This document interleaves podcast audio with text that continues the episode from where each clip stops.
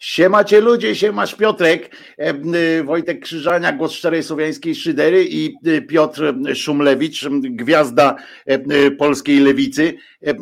Bez ciemnych okularów wyglądasz gorzej, muszę ci powiedzieć, na tym awatarze na tablicy zajawiającej.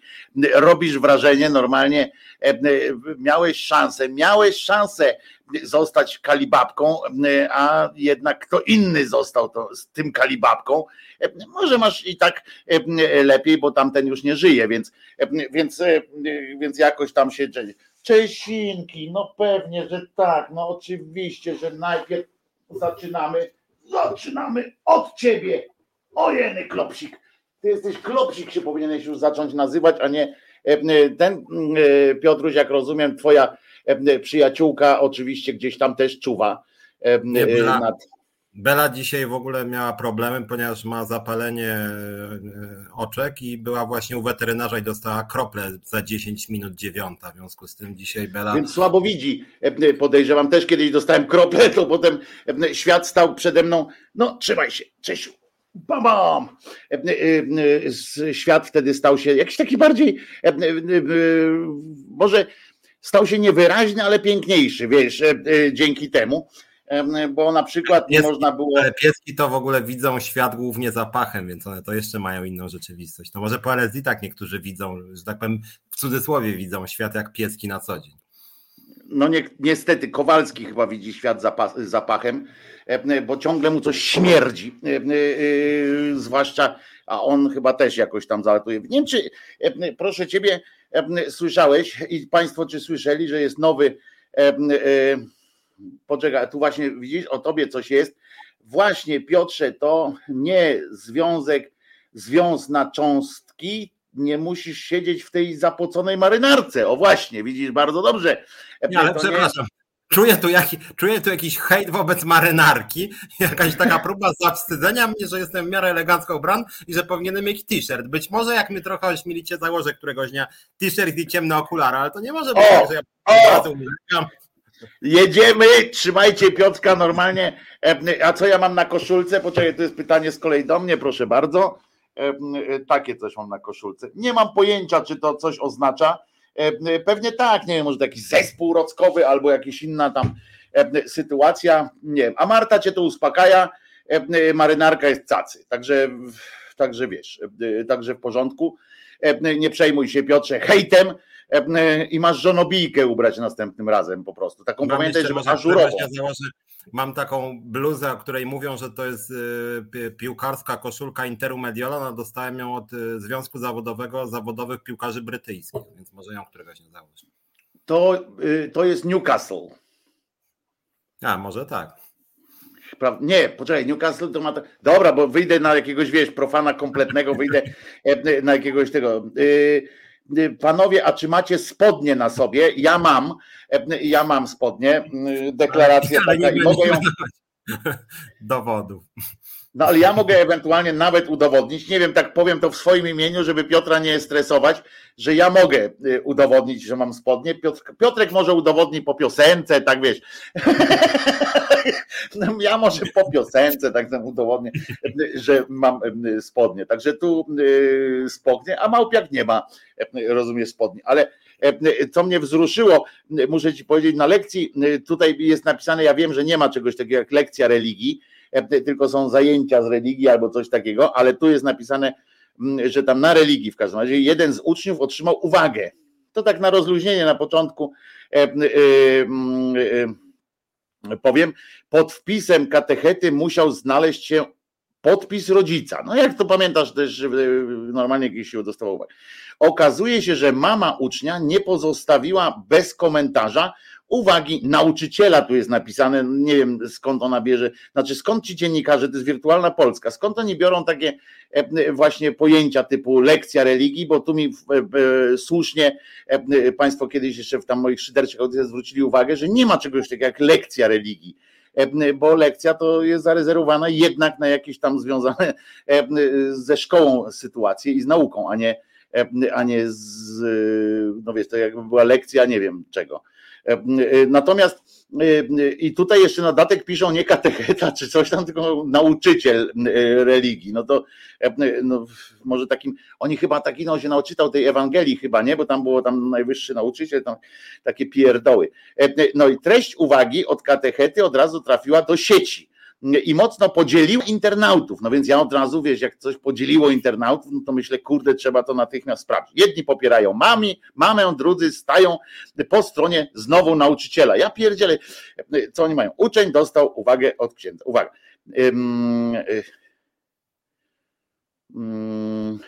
Już, już ci mówię, już, już, już, już, już. Ten chłopiec miał nie stosować się do poleceń, kurwa znowu tym nauczyciela, przepraszam, ale naprawdę mnie to zaczyna denerwować. Czwarty raz w jednym tekście krótkim, ja dopiero doszedłem do drugiego akapitu, a tam już czwarty raz jest napisane, że to jest nauczyciel. Trudno. Co rozjuszyło, ty, a to w ogóle słuchaj, jakie zdanie jest, słuchajcie Państwo, bo tu jest napisane tak, że chłopiec miał nie stosować się do poleceń nauczyciela, co rozjuszyło księdza.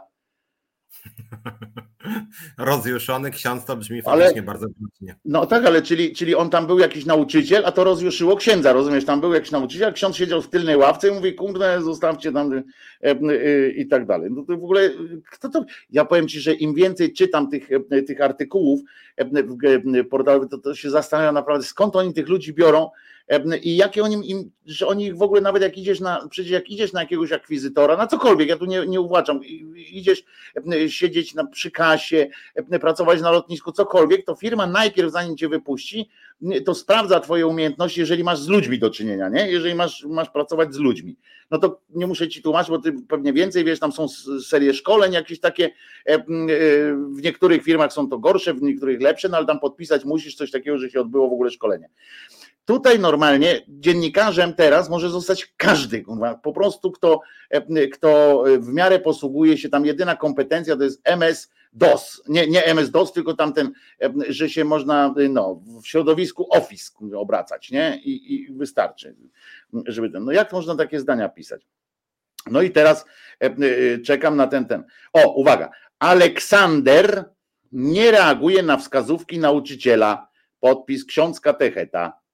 W sumie, w sumie, y, w sumie taka uwaga y, jest jakaś taka, no muszę powiedzieć, że ksiądz nie okazał się jakoś agresywny szczególnie.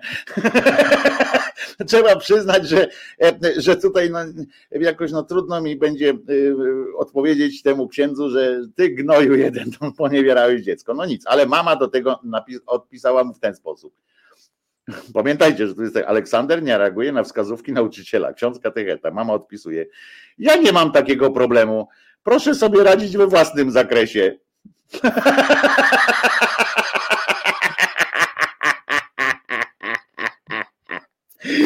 To jest po prostu, moim zdaniem, jest to najlepsza sytuacja, którą można było odpowiedzieć i to każdemu nauczycielowi. No bo jak, jak matka ma zareagować na, e, na takie, no jakby twój syn, twoja córka poszła, czy państwa poszła do, do tego i, i się dowiedziała takim, taką, ten, że moja mama kiedyś, słuchajcie, to była komuna, ja to kiedyś opisywałem, kiedyś mówiłem o tym, ale moja mama była pielęgniarką. Ja, ja, mieszkałem w Gdyni, mama pracowała w Sopocie.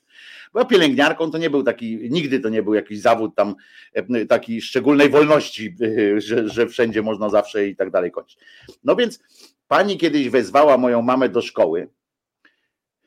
Kiedyś to się, no wiesz, to, to był lęk i tak dalej. Matka zerwała się z pracy. Przyjechała kolejką SKM z Sopotu do Gdyni w ciągu dnia. Wjechała Przyszła do tej szkoły. Dobrze, ta szkoła niedaleko dworca była jeszcze. Przychodzi i pani na, y, wchodzi, moja mama, tamten mówi, a pani do niej w te słowa uważaj. Pani Barbaro, bo pani syn ciągle pyta. Matka, wiesz, zerwała się z roboty, nie? Żeby się dowiedzieć, że jej syn ciągle pyta. No więc mama stwierdziła, to bardzo dobrze, że pyta. Znaczy, że jest ciekaw świata, do widzenia. tak, no, to, proszę jej, to proszę mu odpowiadać, nie? To proszę mu odpowiadać. No i to był koniec rozmowy z panią od polskiego, nie? Natomiast jak już zacząłeś mówić, bo często się mnie pytasz w czasie tego programu, czy mógłbym coś optymistycznego powiedzieć, jakoś tak mi ciężko, tym bardziej, że zawsze zapowiadam program, że będę podsumować niszczenie państwa i społeczeństwa przez PiS. Więc może jedna. Od tego ja tu jestem, drodzy moi, od tego ja tu jestem, ale żeby jest, ewentualnie coś wcisnąć. Ale jest pewien optymistyczny wątek, który zresztą w ostatnich miesiącach wraca, ale on chyba, że tak powiem, przyspiesza jego dynamika tego, tej, tego optymizmu. Mianowicie ostatnio znowu wyszły badania, że y, Polacy i Polki, szczególnie młodzi, coraz szybciej odchodzą od kościoła. 18-24, tak. Tak, i ta partycypacja w praktykach religijnych rzeczywiście na masową skalę ci młodzi odchodzą, że już całe klasy się wypisują z lekcji religii. Tam co prawda Czarnek kombinuje, co by zrobić, żeby ich zmusić do tych lekcji religii, ale generalnie rzecz biorąc, oni akurat działają na zasadzie, że jak, jak się im nakazuje, to ich to wkurza i jednak się wypisują. Więc ja wiem, że to, co Czarnek wyprawia, jakoś tam formatuje, ale mimo wszystko dynamika odchodzenia od religii to już mamy chyba wśród tych młodych najszybszą na świecie. Więc to jest jakoś tam rzeczywiście optymistyczny wątek. Ja niestety, e, to być może jest nawet optymistyczne w pewnym momencie, ale ja y, y, obserwuję historię e, świata i e, muszę Ci powiedzieć, Piotrze, że obserwowanie, w którą stronę młodzi idą, to nie jest najlepsze, no ponieważ ci właśnie w tym wieku, to oni są dopiero, oni tam robią na przekornie albo coś tam, a mogą się potem zradykalizować dosyć dramatycznie i to w drugą stronę mnie by bardziej interesowało odchodzenie ludzi dojrzałych, czyli takich wiesz, po 30. Jak już zacznę, jak zobaczę, że ci ludzie 30-50, tak wiesz, radykalnie zaczynają odchodzić, to będę Dobra. wtedy szczęśliwy, bo, bo to, że wiesz, że młodzi jakąś tam lubią takie spektakularne akcje, wiesz, typu a nasza klasa nie będzie chodziła na religię i tak dalej, to to ja to przyjmuję, wiesz, no, też się cieszę, no nie powiem, że nie, bo wyrwać włos z dupy świni zawsze warto i, i to bez dwóch zdań, natomiast natomiast tych, a tutaj Waldek pyta w sumie słusznie, czy mamy jakąś propozycję dla tych młodych masowo odchodzących od religii, czytać niech zaczną ale po prostu. Ale właśnie też mi ten wpis Waldka, że tak powiem, jakby od razu przyciągnął moją uwagę, bo jakby mam wątpliwość wobec tego pytania, że tak powiem. Tak jak często lubimy kwestionować pytania w TVP Info, e, tak tu mam, mam wątpliwość, że tak już ci młodzi ludzie mają wbijaną tempo tą religię katolicką, te dogmaty katolickie, ten rodzaj życia i my teraz mamy im wcisnąć coś innego. Czy rzeczywiście to jest dobrze postawione pytanie? Ja nie chcę od razu mówić, że na, na pytanie, czy mamy propozycję, mamy mianowicie seks, drugs and rock and roll. No może nie od razu aż tak, ale też może... Ale seks i drugs na pewno. Nie no, rock and roll też, czy tam jakieś, nie wiem, techno, e, ale, ale, ale że może ci młodzi ludzie niech trochę poszukają, niech trochę pokrytykują, niech trochę się poprzyglądają, a nie od razu mamy im dawać propozycję, że na przykład nie, nie religia katolicka, tylko niech oni będą mieli całościowy system, który ja im tu zaraz przedstawię, że będą dobrymi, demokratycznymi socjalistami. Nie wiem, no może nie, ja, ja bym życzył tym młodym, żeby oni mieli mało autorytetów i żeby właśnie dużo, to, to co ty mówiłeś, że, żeby dużo pytań zadawali, o, na przykład, do, na każdy temat, dużo pytań. Więc nie, żeby mieli gotowe odpowiedzi tylko inne niż religia katolicka, takie fajniejsze, tylko właśnie, żeby o wszystko pytali, bo ja mam wrażenie, że no Właśnie, bo to masz, masz rację, Piotrek, bo z tego pytania wynika, Waldku, drogi drodzy słuchacze, z tego pytania wynika, że jest jakiś ogólnie przyjęty system, że już jest i on jest jakby, nie jakby, tylko tak naprawdę, że on już jest bazą, podstawą i my teraz mamy, jak, jak Mao Zedong w Chinach, znaleźć jakiś inny coś tam i nie można odejść od religii, od religii czy tam od tego systemu akurat,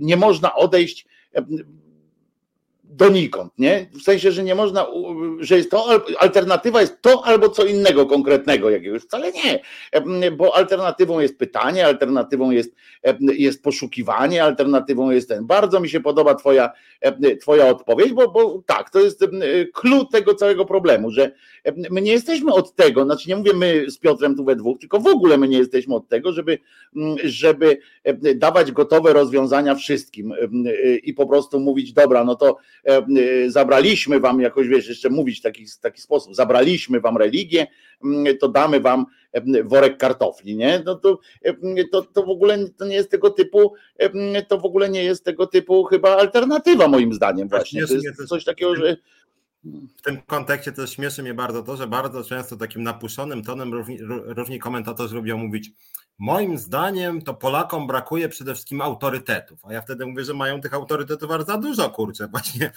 właśnie dobrze byłoby, żeby nie mieli autorytetów, to byłoby fajnie, a nie, że właśnie to jest to, co kiedyś mówiłem, jak jeszcze tam e, byłem dawno temu w tym OPZZ, to zawsze mnie dziwiło, że, przy, że, że, że jak był spór z rządem i wszyscy nienawidzimy tego rządu i, i nagle przychodzi minister jakiś tam Koniśniak-Kamysz i wszyscy z kwiatami właśnie, z uśmiechem, do zdjęć pozorują. Ja mówię, czy wyście powariowali w ogóle, jak to? No Piotr to jest minister przecież i to niestety jest w Polsce.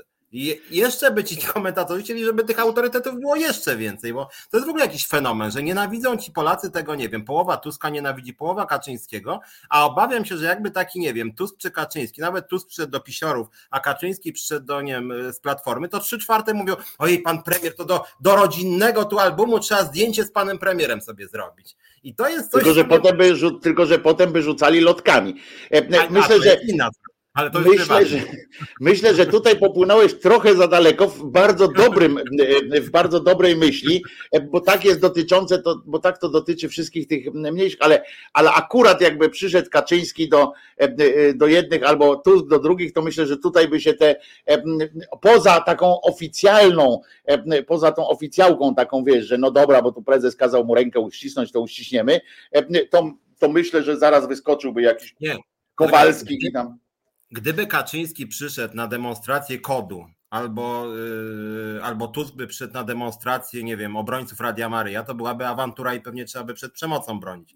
Ale ja teraz mówię o tak zwanych zwykłych obywatelach, którzy nie biorą udziału na co dzień w jakimś tam życiu politycznym, nie są zaangażowanymi działaczami, tylko jakbyś się spytał na ulicy, a pani to co sądzi? No moim zdaniem to ten Kaczyński to złodziej. I później przychodzi taki Kaczyński, ona, ojej, pan no właśnie tutaj nie jestem tego pewien, właśnie o tym mówię, że, że nie jestem tego pewien, że akurat te dwie osoby, czy tam kilka osób jest takich, jest już doszło do takiego momentu, takiego momentu agresji, taki wiesz, agresji, no, nie mówię w tak. sensie mm. bicia, tylko takiego, że spolaryzowania takiego bardzo radykalnego i to w wersji również personalnej, tak, że, że na przykład Tusk jest już po prostu wrogiem i i, i obawiam się, że akurat w przypadku tych, wiesz, kilku nazwisk, jest kilka nazwisk, których po prostu będzie zawsze o ty gnoju i tak dalej, i tak dalej, jak się gdzieś pojawi, nawet w takim środowisku. Inna rzecz, jak nikt nie widzi, jak na mnie ten, to, to, to jest coś innego, bo na przykład w, w pociągu, jak jechał Tusk, no to nagle się okazało, że tam rozmawiał z ludźmi, prawda? I rozmawiał, rozmawiał.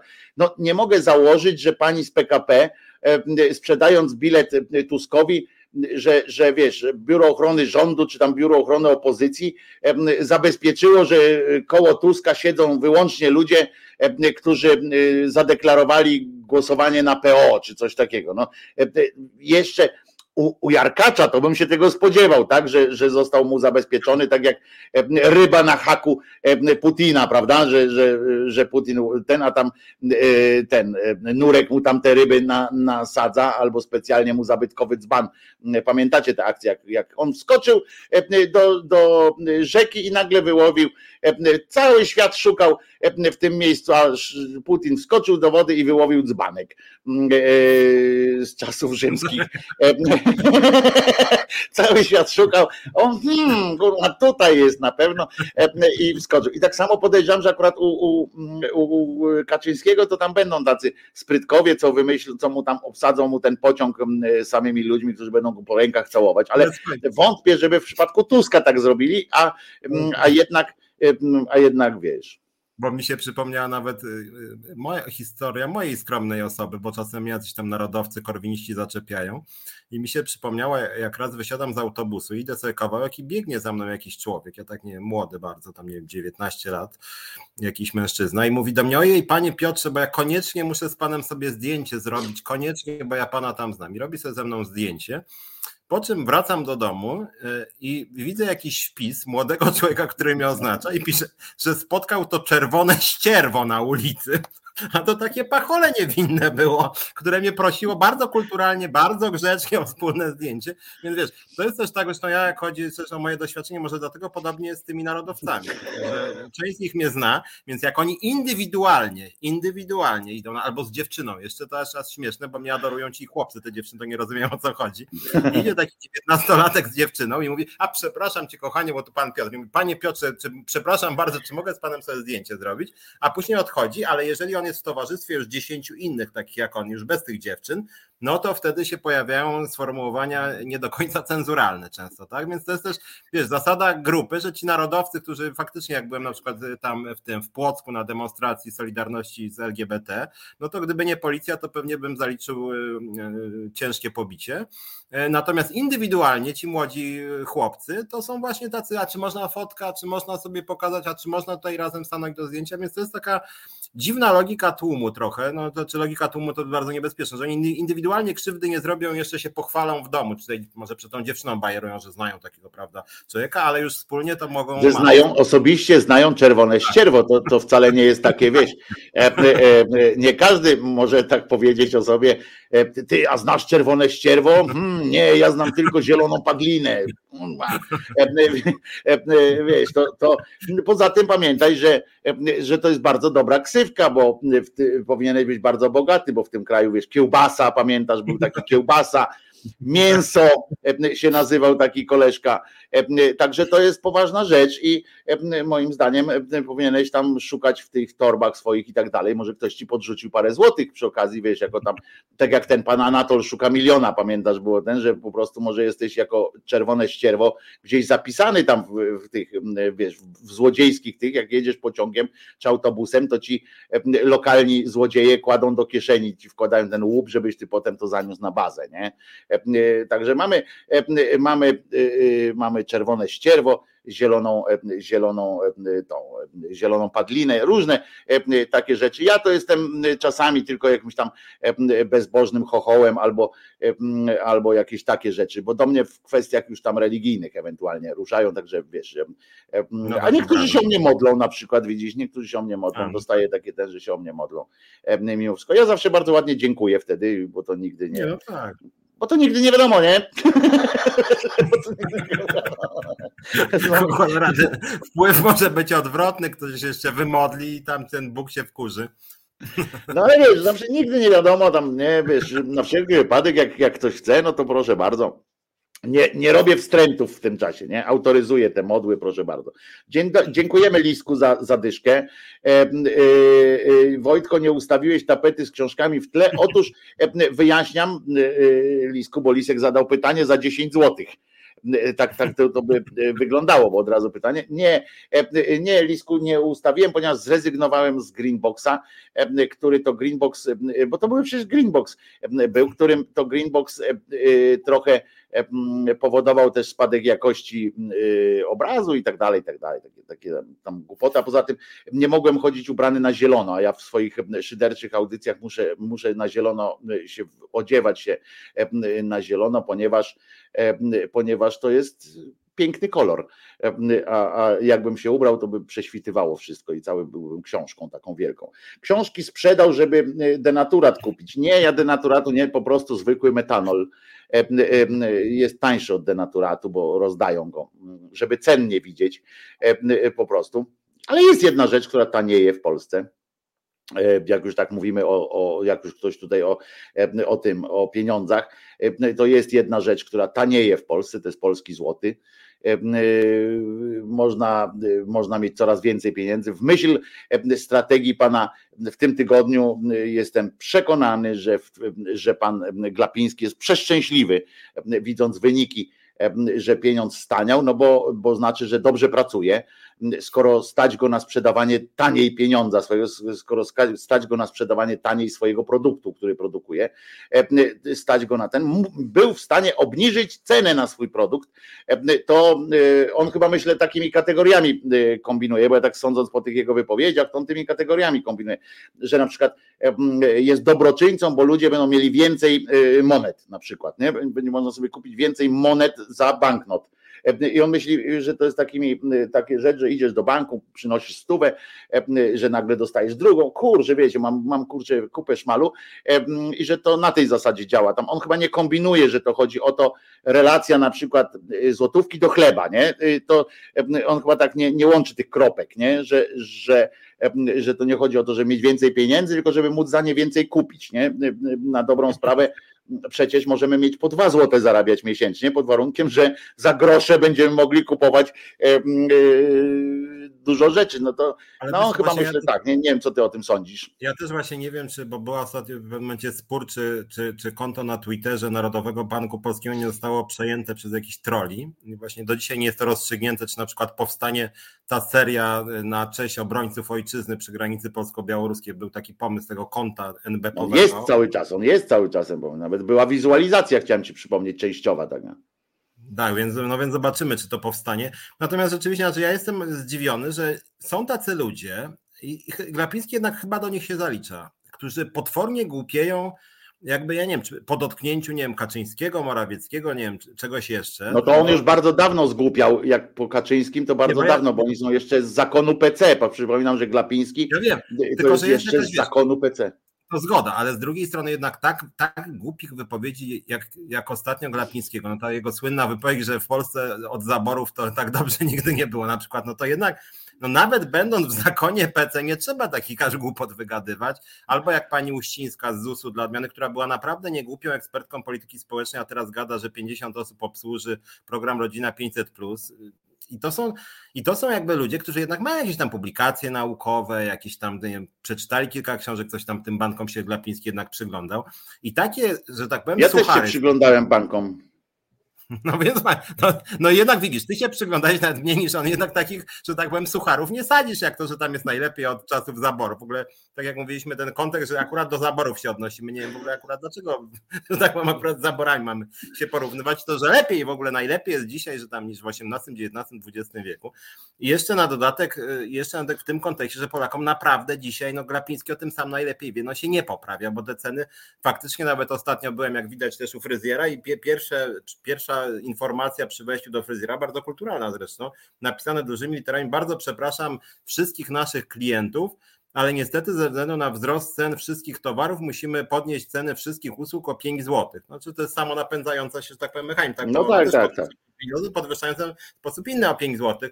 W związku z tym, no ale generalnie ten wzrost cen jest bardzo widoczny, a wzrost pensji no nie tak bardzo. W wielu branżach, na przykład w budżetówce w ogóle go praktycznie nie ma, więc no więc to wygląda rzeczywiście słabo.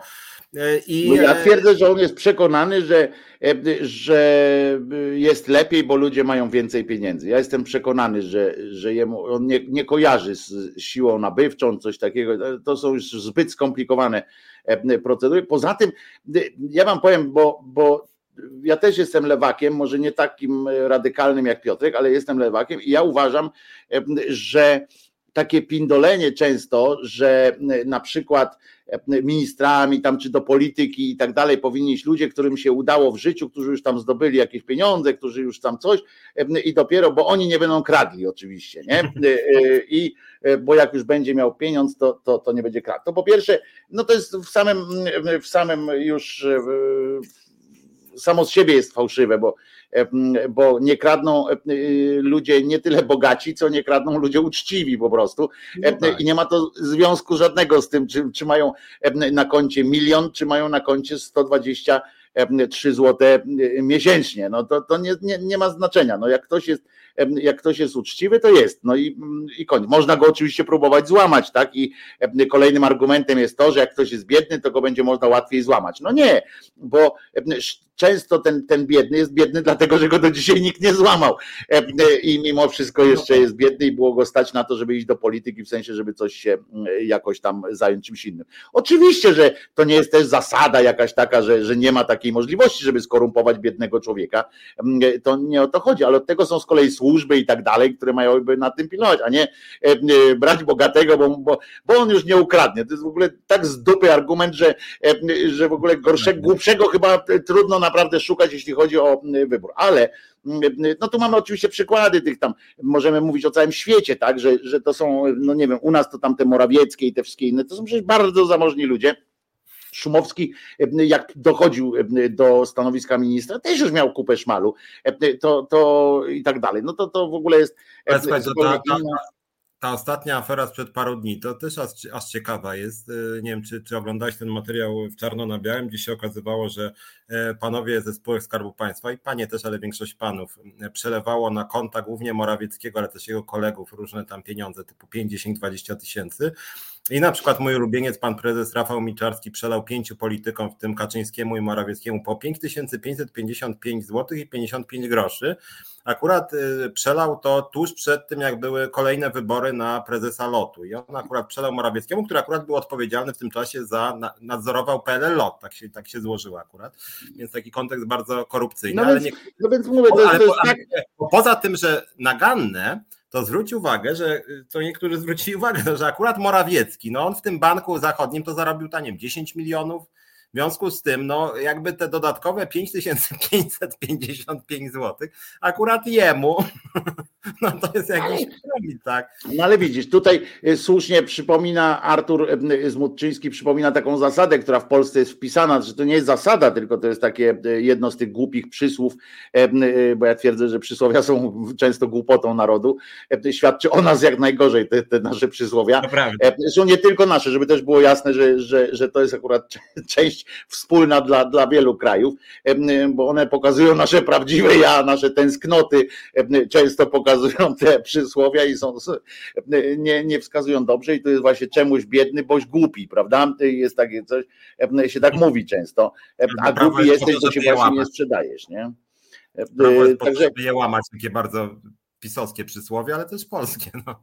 no polskie niestety, no i to jest takie właśnie, e, ten, no ale w każdym razie chciałem powiedzieć o tym, że, e, że to jest, że do polityki, że z tymi biednymi ludźmi, bogatymi, to pamiętajcie o tym, że bogaty człowiek, ja tu, i tu nie chcę krytykować wszystkich bogatych, bo ja znam bogatych ludzi, którzy doszli do wszystkiego swoją pracą, a nawet jeśli znam jednego człowieka, który odziedziczył faktycznie e, imperium tam po swoich rodzicach i tak dalej, produkcyjne, ale potrafił z niego skorzystać w że wiesz, nie, nie jest to jakby przeszedł też w tej swojej firmie te swoje wszystkie ścieżki i tak dalej, i tak dalej. Jest bardzo dobrym szefem swojej firmy. Tak jak w takich najlepszych podręcznikowych przykładach, naprawdę bardzo, bardzo go szanuję za to, że nie tylko odcina kupony, ale ten, ale mówię, to jest i my tak patrzymy na tych wszystkich ludzi, takiego Klapińskiego, ja, ja zawsze do czego zmierzam? Do tego, że, że dodatkową głupotą, znaczy głupotą, dodatkowym błędem myślenia o tych właśnie bogatych ludziach u władzy, że oni powinni tam czy urzędami, czy wszystkim powinni, to siłą rzeczy, i to nie wynika z ich złej woli zawsze, to żeby też było jasne, że ja tu nie krytykuję ich złej woli, to jest po prostu oderwanie się trochę od, od e, prawdziwego życia. I to nie wynika z ich złej woli. Jak ja, e, bo dzisiaj tam się dużo rozmawiałem rano o gazecie wyborczej, na przykład o tym, co w związku z tym, co się tam dzieje, a ja jako tam pracowałem i tak dalej wiele lat, to e, a propos pana Wójcika i tak dalej, wypowiedziałem swoje zdanie, ale przy okazji chcę powiedzieć, że jak tam patrzycie na przykład na redaktorów, na tych naczelnych redaktorów, podejrz, podejrzewam, że w innych gazetach jest to samo. Oni rozmawiają na zupełnie innym diapazonie. E, to jest e, zupełnie e, jakby te analizy są jakieś takie niby pogłębione, ale z kolei z takiej, z takiej pozycji, która nie jest typowa dla żadnego z czytelników, ani żadnego, żadnej z czytelniczek.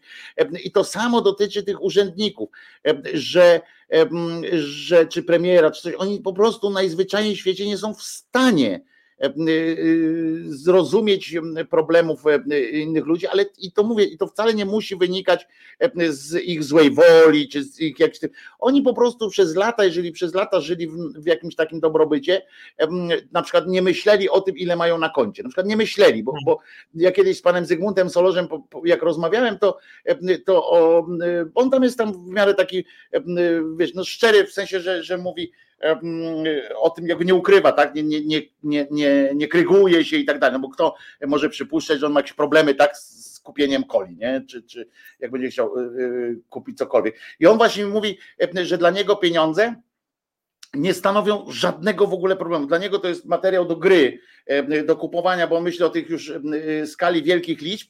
Natomiast, natomiast to, co się dzieje w jego portfelu, on nie wie.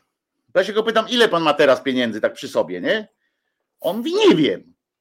A ja mówię, a dlaczego pan nie wie? On mówi, bo nie muszę, bo, bo nie ma takiej sytuacji, w której mnie ktoś zapyta, czy mnie na coś stać. No, pamiętajcie, że jak, że jak taki Morawiecki, i to mówię przed, zanim był premierem, czy ktokolwiek, oni byli znani z tego, że są bogaci, oni wejdą do sklepu, to są ludzie, którzy jak powie, o kurde, nie mam portfela, tak, a właśnie samochód chciał kupić i powie, kurczę, no nie mam portfela, to nie mu powiedzą, dobra, to oddasz pan jutro, tak. bo, bo, bo nie ma, w ogóle nie ma takiego problemu, nie ma, nie, to nie jest kwestia myślenia, czy, czy, czy 6 zł będzie benzyna kosztowała, czy, czy 9, to w ogóle nie ma najmniejszego tak. znaczenia gdzieś dopiero na poziomie tych wielkich liczb, to on tak e, mówi, że jak, aha, no jak 7 zł to, to kosztuje, to w skali świata, w tym Excelu, to w skali Polski to wychodzi, że tam coś tam. To, dopiero wtedy. I dlatego mówię, że nie chcę też przez to powiedzieć, przepraszam, że tak przedłużam tę rozmowę, ale nie chcę też przez to powiedzieć, że powinniśmy wszyscy być, e, rządy powinny e, obejmować tylko Albinów Siwaków, tak? Żeby te, e, pamiętamy taki, taka postać, Albin Siwak, robotnik, który w ramach w roku 85, w ramach takiego powrotu do, do, że brak wypaczeń i tak dalej, że kontrol czynnik społeczny, Albin Siwak został w rządzie i tam w KC, znaczy on został i tak dalej. Taka postać dosyć śmieszna, siermięga, taka straszna intelektualna, ale trzeba to wypośrodkować, tak? Trzeba coś zrobić, to nie może być jakiś rząd, wiecie, odklejeńców. I tak samo jak i tak samo jak w redakcjach, w różnych innych rzeczach, ta kadencyjność, która jest, to ona przecież nie była wpisana po to i powinna być w redakcjach, moim zdaniem też powinna być kadencyjność, e, bo nie została wprowadzona przecież po to, żeby e, ci ludzie e, tylko z powodów takich, żeby tam następny, że następny w kolejce stoi też by chciał być premierem, tylko również po to, żeby, się, żeby nie, nie zamknąć się na jakieś, na jakieś w jakimś środowisku i, i, i tak dalej. Nie? A to pytanie tak pan Zygmunt postawił mi wtedy obiad. Znaczy nawet nie on, tylko tam jego, on nawet nie wiedział, że mi postawił. No tak, nie poszliśmy do stołówki agorowej i po prostu nikt od, od niego nie wziął pieniędzy. Pozwolę sobie na taką teraz lewacką uwagę, to znaczy, bo zawsze mnie zastanawiało to, bo mówimy teraz tu, że 6 zł benzyna, czy 9 zł, że to dla takich solorzy jest właściwie drugorzędna sprawa, ale w momencie, kiedy jakakolwiek ekipa polityczna, czy jakakolwiek partia chce podnieść y, podatki o jeden punkt procentowy dla najbogatszych, to jest rumor potworny, potworny. Jak można okradanie klasy średniej? Nawet jeżeli te podniesienie o jeden punkt to jest od na przykład zarobków, nie wiem, od 200 tysięcy w górę. I wtedy jest nagle rumor i wszyscy protestują łącznie z tymi, którzy nigdy nie zarobili nawet 100 tysięcy rocznie, tak? Że to jest w ogóle okradanie klasy średniej, że to w ogóle niszczenie, że zaraz umrze w ogóle Polska. I zawsze mnie to dziwiło. Ja w życiu, no nigdy nie zarabiałem majątku, ale jak kiedyś zarabiałem, nie wiem, 8 tysięcy na rękę, myślę, Jezu, jak dużo. I tak sobie myślę, kurde, za to to w ogóle można full wypas żyć. Jak miałbym zarabiać, nie wiem, 18, to po prostu, ja nie wiem, no w ogóle już jakby szał permanentny cały rok, to się jeszcze zepsuje moralnie od tego. A jak miałbym zarabiać 48, no to już w ogóle bym ja nie wiem, co miałbym z tą kasą zrobić. A tu zarabia. Byś pracował jeden miesiąc w roku. to w ogóle, wtedy to jakiś, no rzeczywiście, seks, drugs and drug and roll razy 85.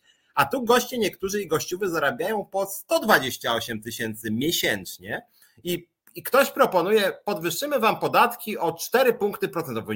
Kradzież, zabijanie nas, zniszczycie. Ja mówię, co za w ogóle jakiś kuriozum, no.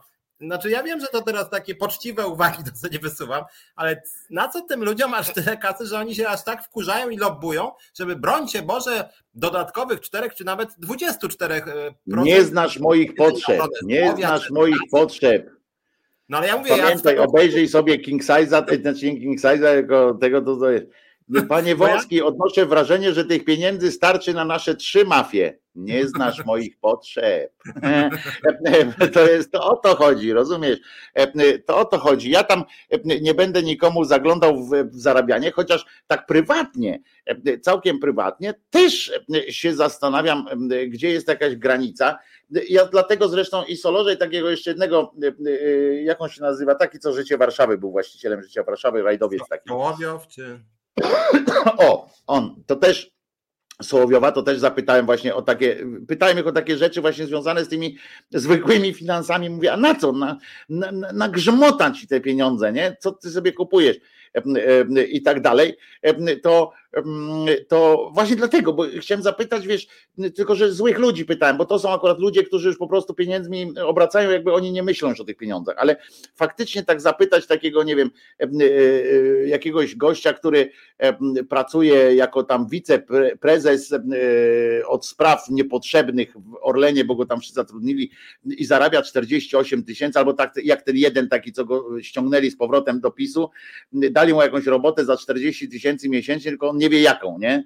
Bo, bo jednego mu nie powiedzieli, tylko przy tym wszystkim powiedzieli mu, ile będzie zarabiał i wszystko, ale nie powiedzieli mu, co to za praca tylko, nie? I w związku z czym nie, nie wiedział do końca, czym się zajmuje, jak go tam indagowali, ale wiedział, ile zarabia. To to, to faktycznie się tak zastanawiam, no i, no i co, przynosisz te 50 tysięcy do domu, to jeszcze jak masz jakieś takie hobby typu, nie wiem, na przykład tak jak mój znajomy, co odrestaurował taki pałac na Komiatach, bardzo piękny to jest. I faktycznie oni odkładali, pracowali w korporacji przez ileś tam tych lat po to, żeby, żeby spełnić swoje marzenie, tak, że oni mieli takiego pierdolca i już. I to faktycznie wtedy ja, ja kumam, że, że jest coś takiego, oni nie żyli za te 45 tysięcy, tylko wiedzieli, że co z tym, co z tym zrobią. A tak to, a tak ja się pytam właśnie takich ludzi, mówię, no i co, no, no masz te 50 tysięcy na koniec, no i i co kupisz, nie? Co kupisz, że jeszcze, że jeszcze ci tam coś. No i wiesz, no, tylko że tak jak mówię, no z drugiej strony, no co nas to obchodzi, e, jak ktoś zarabia, no to, jego, jego, jego jego sprawa, no. W sumie nie, nie będziemy mu zabierać tylko dlatego, że zarabia, nie? To, to, to, to Ale trochę tak można było zabrać, dlatego powiedziałem o tych podatkach, że te podatki w Polsce, bo kiedyś sobie sprawdziłem, e, są różne kalkulatory płac. Jak się wpisze brutto, brutto, czyli koszty dla pracodawcy, zarobki 2800 zł miesięcznie, czyli płaca minimalna i 100 tysięcy miesięcznie, to brutto, brutto jest dokładnie takie samo opodatkowanie. Mówię łącznie ze składkami, to jest 40%. Mhm. Dokładnie to samo od 2800 i od 100 y, tysięcy miesięcznie. W związku z tym te podatki w Polsce są, że tak powiem, bardzo mało progresywne, a jakbyś dał 200 tysięcy, to pewnie jeszcze by wyszło gorzej, bo jest to zasada 30-krotności, że składki przestajesz płacić po przekroczeniu tam 30-krotności średniego wynagrodzenia, więc ci bogaci generalnie mniejsze podatki płacą niż ci biedni, a że dla nich wzrost ceny chleba faktycznie nie ma dokładnie żadnego znaczenia, ale to totalnie żadnego, podobnie jak z tą benzyną powiedziałeś, no to tym bardziej jakby można powiedzieć, że mogą sobie chrzanić system, chyba że ktoś chce im o jeden punkt procentowy podnieść opodatkowanie, to wtedy jest szał, niszczenie, zabieranie, okradanie i nie wiadomo co tam jeszcze, tak? Ja mam takiego kolegę, dla którego ceny benzyny też nie mają znaczenia. On zawsze tankuje za 50 zł, nie? Zawsze, zawsze dla niego jest zawsze ta sama cena benzyny e, na stacjach. Zawsze 50 zł i, e, i wyjeżdża ze stacji. Tylko, że w pewnym momencie prawda, jest szansa, że nie wyjedzie z tej stacji, jak tak dalej pójdzie, to mu starczy tylko na, na taki obrót i dojazd do tego miejsca, gdzie opony można e, nadmuchać, nie? Jeszcze bardziej trzeba napompować. I, no ale to wtedy się wtedy zobaczy, nie? Że, że coś się stało, bo na razie jest jedzie 50 zł i, i po wszystkim. Piotruś, posłuchamy piosenki teraz, czy, czy myślisz, że coś dobrego będzie? Ja myślę, że właśnie tankuje alkohol zawsze za 50 zł. O, to jest też dobre. Pani, pani Ewa też właśnie alkohol za 50 i od razu jakoś tak przyjemniej się robi. Nie? Co prawda rano, jak macie kaca, to, to jeszcze gorzej się. Ja przypominam, Ale to jest zdrowo. Bo, zdrowo, bo tak. niedługo będzie za 50 zł mniej można tego alkoholu kupić. No właśnie, to jest, to jest kwestia. Chociaż nie, no ja myślę, że w pewnym momencie, tak jak za, za Gierka chyba to było, czy jak mówił, te ceny chyba tam dużo nie wzrosną, w sensie, że wzrosną na te takie luksusowe alkohole, tak jak teraz była, prawda? Ta podwyżka akcyzy czy tam czegoś to było, to było, że wzrost na te luksusowe tam odpowiednio większy trochę, a na ten prosty, mózgojeby, mózgotrzepy, czy jak to tam nazwać, dalej jak za książkę, nie? 8% jak za książkę. Książka i mózgotrzep i jedziemy y, po prostu dalej. To jest kiełba średnia, kiełba ta zwyczajna, książka i E, i mózgotrzep. I to jest taki, zesp, taki zestaw intelektualisty dzisiejszy, e, że było tania wódka pozostanie, tak jak mówiłem, no i coś pić, będą pić kosztem zagrychy, to jest też dobre. Pamiętam na studiach się tak robiło, jak ktoś wpadał na pomysł, jeszcze dawno, to taka prywatna jeszcze reminiscencja, jak ktoś wpadał na pomysł, jak kupowaliśmy alkohol i nagle ktoś mówi, a może byśmy kupili coś do zjedzenia. To wiadomo, to, to był taka seria, taki wzrok Jak?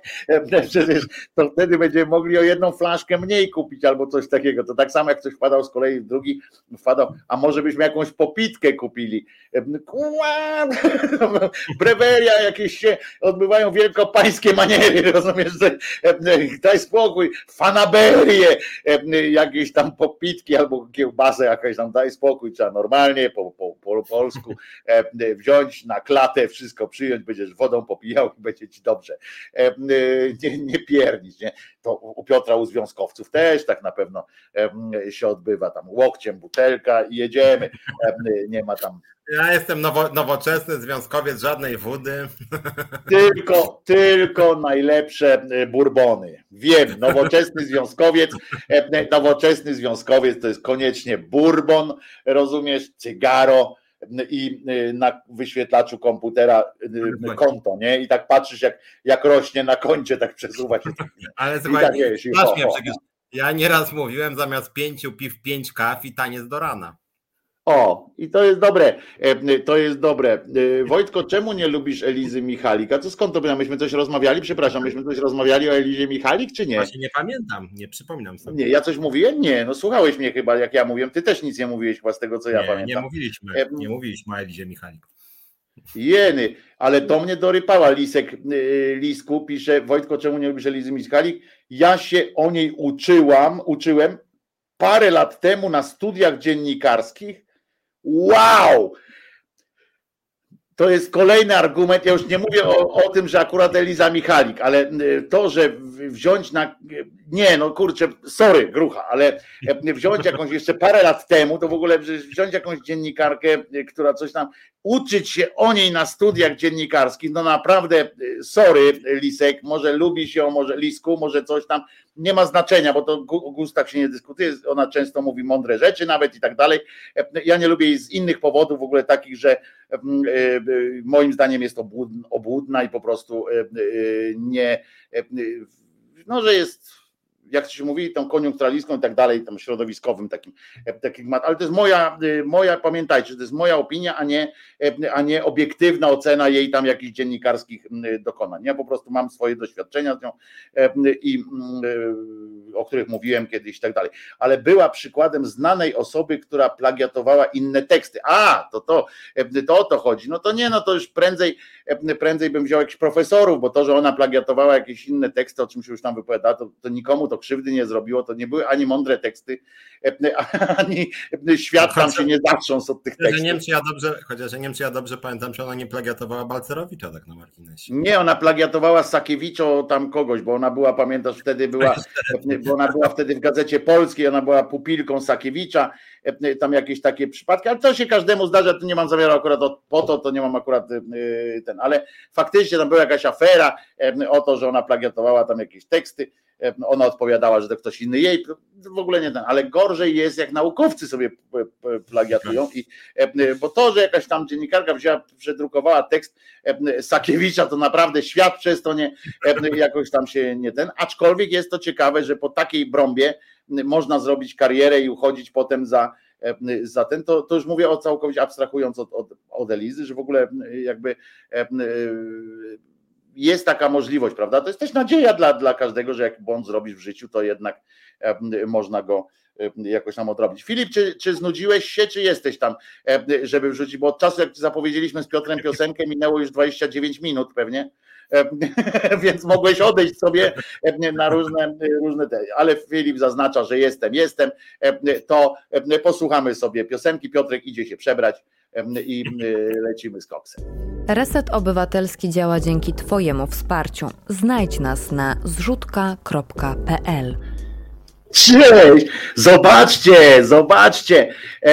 To nie jest angielska koszulka. Kurczę, w takiej koszulce to gra faktycznie Intermediolan, moim zdaniem. W takiej koszulce gra, ale to ja mogę wyjść na ten, na durnia I, a tutaj przy okazji popromujemy, bo w przerwach muzycznych słucham Hartmana, super dzisiejsza audycja i chyba rekord oglądalności. Dobrą robotę robi Hartman dla Resetu Obywatelskiego. No to polecamy oczywiście wszystkim po audycji sięgnąć do, do programu, jak on, jak Mondrale, Mondrale się nazywa program profesora Hartmana. Zawsze dobrze, ateiści górą. Także jest. A z kim dzisiaj był? Bo ja nie, nie słuchałem. Waldku, napisz jeszcze.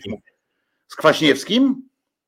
Którym? Tym z Ordo, bo teraz jest, wiesz, z Ordo Juris, czy z tym, bo przypominam wam, że szef Ordo Juris jako żywo też jest Kwaśniewski, więc teraz, a to nie wiadomo, nie? Czy to z nim, wyobrażam sobie nie. rozmowę Hartmana z Kwaśniewskim, chyba chciałbym zobaczyć to. Ale bardzo ładnie, Piotruś, pokaż no, tę koszulkę. Najka widzę, dobra, dobra koszulka. Proszę bardzo, zobaczcie. No, Piotr, chcieliście t macie to sportowo. Pytają się, sportowo. pytają się, czy Nike to jest prezent, jak mówiłem, od Związku Zawodowego Zawodowych Piłkarzy Brytyjskich, więc mimo wszystko wątpię, żeby to był Intermediolan. Mm, może Ale może, może dali jakąś taką koszulkę właśnie, żeby się nie kojarzyła z żadnym z brytyjskich klubów. Wiesz o co chodzi, bo tam się pokłócili e, na przykład, a dlaczego wasza? A dlaczego nasza? A dlaczego wasza? E, wiesz, to tak jakbyś dostał e, koszulkę od Związku Zawodowego Piłkarzy Polskich i na przykład miała być to być koszulka Legii, nie? No to przecież te wszystkie inne by dostały kluby Kociokwiku. Zresztą z drugiej strony też by było, jakby na przykład tam, nie wiem, no tecianka Pakość, nie? No to tam by było, kurczę, dlaczego? Albo izolator Bogu chwała E, to dlaczego naszą? E, oddajcie nam tamtą. E, a tu oczywiście. Ale, ale, wiesz, ale, może właśnie, ale może właśnie ta koszulka, którą ja mam na sobie, to jest właśnie jakaś taka brytyjska, no tecianka, jakiś klub czwartej ligi brytyjskiej, jakiś tam, nie wiem, City, tam nie wiem. City of, City of City of City. City of City. Trzecia liga, tam czternaste miejsce ma, ale mają ładne koszulki. O, dobrze wygląda Piotr, w końcu na luzie, ale ja wam muszę powiedzieć, że marynarka też jest na luzie. To nie jest tak, że czy pan Piotr będzie się teraz awanturował. Wtedy też nie miał krawata, więc spokojnie. Pod to akurat nie, y, nie jesteśmy. Tutaj Piotr był przygotowany na awanturowanie się, bo był bez krawata od razu. Przyszedł na wszelki Zawsze wypadek. bez krawata jestem. No, to jest, to jest także, także to spoko. Nie wiem, czyli jak zerkacie na moją marynarkę, to ja się w ogóle trochę inspiruję, co prawda wypadł już trochę z greckiej polityki, Cipras niejaki ten premier Grecji, on był zawsze w takich luzackich marynarkach i zawsze bez krawata. Więc ja no, ale był, ale u niego trochę cieplej, nie? U niego trochę no cieplej. Tak. Tego mówię, że zawsze krawat wydawał mi się jakąś nienaturalną, że tak powiem, formą garderoby. Czym pojęcie naturalności jest tutaj totalnie arbitralne, więc nie roszczę sobie ale, ale mówię, marynarka też może być elementem luzu, jak jest noszona z luzem, bo jak się ktoś spina faktycznie, bo znam takich, e, takich ludzi, którzy w marynarkę jak się wbijają, to po prostu sztywnieją. E, I, ale to też nie jest nic złego, po prostu tak, tak jest jakoś tak e, czasami, nie? Że, że marynarka to jest tak jak wchodzisz do TVP, odklikujesz tą, tą kartę i nagle ci rozum odejmuje, nie? To tam to tak, tak samo jest, jest tutaj w tym, w tym, ale ty mówiłeś, że chcesz mówić o tym, jak Polska jest e, niszczona przez PiS. Ja dzisiaj rano, nie wiem, zauważyłem taką rzecz, że prawdopodobnie odbyła się jakaś długa, e, e, długi posiłek, był jakiś trzydaniowy prawdopodobnie u Przyłębskiej, bo, bo jakby nagle takie poruszenie było w, ławach tamtego e, jej konwentyklu e, i w ciągu tam trzech dni, prawda, drugie orzeczenie. E, także myślę, że po prostu dostała karteczkę przy, przy tym jedzeniu. Tam na tyle długie było, że tam kilka spraw w cudzysłowie oczywiście przedyskutowano. Krótko mówiąc, dostała wytyczne i potem potrzebowała już tylko trochę czasu na to, żeby zebrać tak zwane opinie, czy coś tam tych fachowców, no, czyli musiała dobrać odpowiednich fachowców po prostu kilka dni, żeby jej tam egzegezę, no bo udowodnić, że polskie, polska konstytucja jest niezgodna z, z kartą praw człowieka, konwencją praw człowieka, no to trzeba było nieźle poszukać tam, nieźle pogmerać w, w zasobach intelektualnych partii matki, bo to naprawdę trzeba być niezłej, dużej odwagi kretynem, żeby, żeby albo małej wyobraźni cymbałem, żeby po prostu zdecydować na to, dobra, to ja, to ja, pani, pani, pani Julio, to ja napiszę uzasadnienie, dlaczego polska konstytucja jest niezgodna z konwencją praw człowieka bardzo zabawne, że im wyszło, że, że właśnie polska konstytucja jest niezgodna z konwencją praw człowieka, a z drugiej strony, że polska konstytucja zakazuje badania majątków rodzin premiera. To... Tak, no, właśnie, że to jest w ogóle e, premiera i urzędników w ogóle i tak dalej. A e, fantastycznie, ten tyle lat czekał, co? Tyle lat czekał, bo on też pamiętam, jak wypowiedzi były jego, że on tyle chce tego, e, że on tak by prosił w ogóle wszystkich, on prosi Sejm, żeby umożliwili mu pokazanie majątku jego żony, i tak prosi, prosi, no ale niestety e, i chciał, już był na ostatnich nogach, już, już wynosił z domu teczkę, E, a się okazało, że Julia Przyłębska po prostu rzutem na taśmę zakazała mu tego, no i smutek tam, podejrzewam, że smutek u państwa Morawieckich, Dworczyków i innych tam zapanował jakiś taki w ogóle minorowe miny są, kurczę, chcieliśmy tak powiedzieć o tym, jak ile zarabiamy, a tu niestety nie, nie można. Tam w ogóle jest jeszcze druga ustawa, której los pewnie będzie dokładnie identyczny, dlatego że to jest bardzo, bardzo zabawne, dlatego że Cookies, który no jest generalnie takim jednym z moich faworytów do takiego mm, najstraszniejszego polityka tej kadencji, on zgłasza te ustawy, które są właściwie warunkiem koalicji z PiSem, a PiS je przyjmuje, po czym je odrzuca przez Przyłębską, bo to chyba też było Kukiza. I teraz jest kolejna ustawa, którą chyba PiS trochę w ogóle przez przypadek przyjął i oni się w ogóle nie spodziewali, że to przyjmą, mianowicie przyjęli ustawę, wprowadzającą jawność dochodów w sektorze publicznym, y, tam gdzie jest pieniądz publiczny, czyli tam nie wiem, w ZUS-ie, w administracji skarbowej, w różnych urzędach i tak dalej, że musi być y, wręcz rejestr publiczny obiegu pieniądza, więc ile wszyscy zarabiają, ja jak wiesz jestem w ogóle za jawnością płac, więc jestem w pełni za. I oni się chyba obudzili, że cholera jasna, tu jest coś nie tak, bo będziemy musieli pokazać ile tam ci nasi koledzy zarabiają, no i, no i wpadli na pomysł, że trzeba to jednak jakoś uwalić, chociaż sami to przegłosowali. I, i, i, i pani zorganizowali Manowska, obiad, zorganizowali obiad. Tak. I Manowska to zgłosiła właśnie do Trybunału Konstytucyjnego, że no jednak nie, co prawda poparli, ale jednak trzeba to odrzucić. No i też to będzie lada dzień prawdopodobnie odrzucony. Więc ale to jest takie fajne, że e, zwróćcie uwagę, e, drodzy Państwo, że e, nie ma, jakby to też świadczy o nas, w sensie o społeczeństwie mówię całym, nie o nas tu konkretnie wszystkich tak jak się jesteśmy, tylko o społeczeństwie, że jakby obserwowanie tego, że jest jakiś Sejm, jakaś większość sejmowa, która regularnie przyjmuje e, e, uchwały czy ustawy, które nie są zgodne z konstytucją na przykład. Nie? Przy, przy założeniu teraz byśmy takie założenie zrobili, że mamy Trybunał Konstytucyjny i tak dalej, że on jest poważny. I jakby to na nikogo to nie wpływa jakoś tak, że, e, że, że to jest coś złe. Po prostu wszyscy, wszyscy przyjęli, że to jest taka procedura po prostu.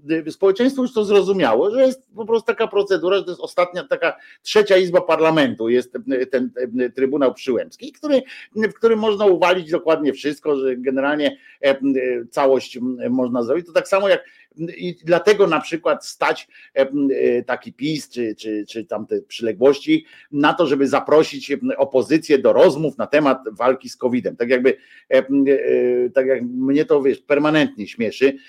Tu są zdania podzielone na ten temat, czy powinna ta opozycja iść na to spotkanie z tym PiSem, czy nie powinna iść. Ja byłem tutaj akurat mam dosyć bardzo, znaczy nie dosyć, tylko radykalną opinię, że w ogóle nie rozmawia się z łobuzami, nie, nie ma takiego powodu, żeby pójść, no bo zwłaszcza, że co, nie? E, tak jak Tusk przedstawił argument, że on tam pójdzie tylko po to, żeby przeczytać, przeczytać te, żeby zmusić kogoś tam z PiSu, żeby na głos przeczytał e, zalecenia tej Rady Medycznej. No ale co z tego, jak on to przed chwilą sam przeczytał? No to wszyscy wiedzą, nie? Bo on to najpierw przeczytał, to ci zainteresowani tym takim, no to, to już wiedzą, nie? A że to przeczyta pani tam Zosia czy, czy pan Henryk, który potem jeszcze nie przyszedł na dodatek, jeszcze bo Niedzielskich zlał ciepłym moczem, po prostu wysłał jakiegoś tam wiceministra, który od niczego, wiceminister od niczego, znalazł jednego, który niczym się akurat nie zajmuje, to, to miał czas i, i poszli tam. I tak samo ich stać na takie rzeczy typu dobrze, chcecie przegłosujmy, dawaj, żeby było napisane potem, że konsultacje się odbyły, tak. że został usłyszany głos opozycji. Dobrze, potem pomidorówka z ryżem czy z makaronem, przecież oni wiedzą, że oni wszystko mogą uwalić. Do końca, tak, nawet jak jak Andrzej podpisze, to i tak to, to nie ma znaczenia. Tylko, że jak chodzi o tą sprawę tych ostatnich e, pseudokonsultacji związanych z koronawirusem, to w ogóle całość wydała mi się totalnie żenująca, e, bo widziałem, był taki materiał, już nie pamiętam, już właściwie wszystko jedno, czy to było w, w TVN-ie, TVP czy w Polsacie, chyba w TVN-ie zresztą. No i generalnie rzecz biorąc, przed tym spotkaniem e, właśnie u pani Witek, reporter pyta tam tych polityków opozycyjnych też, no to jak tam z PSL-u? Jak to jest, że co, co, chcecie przedstawić właśnie pani Witek? Jak, jak to idziecie tam w ogóle?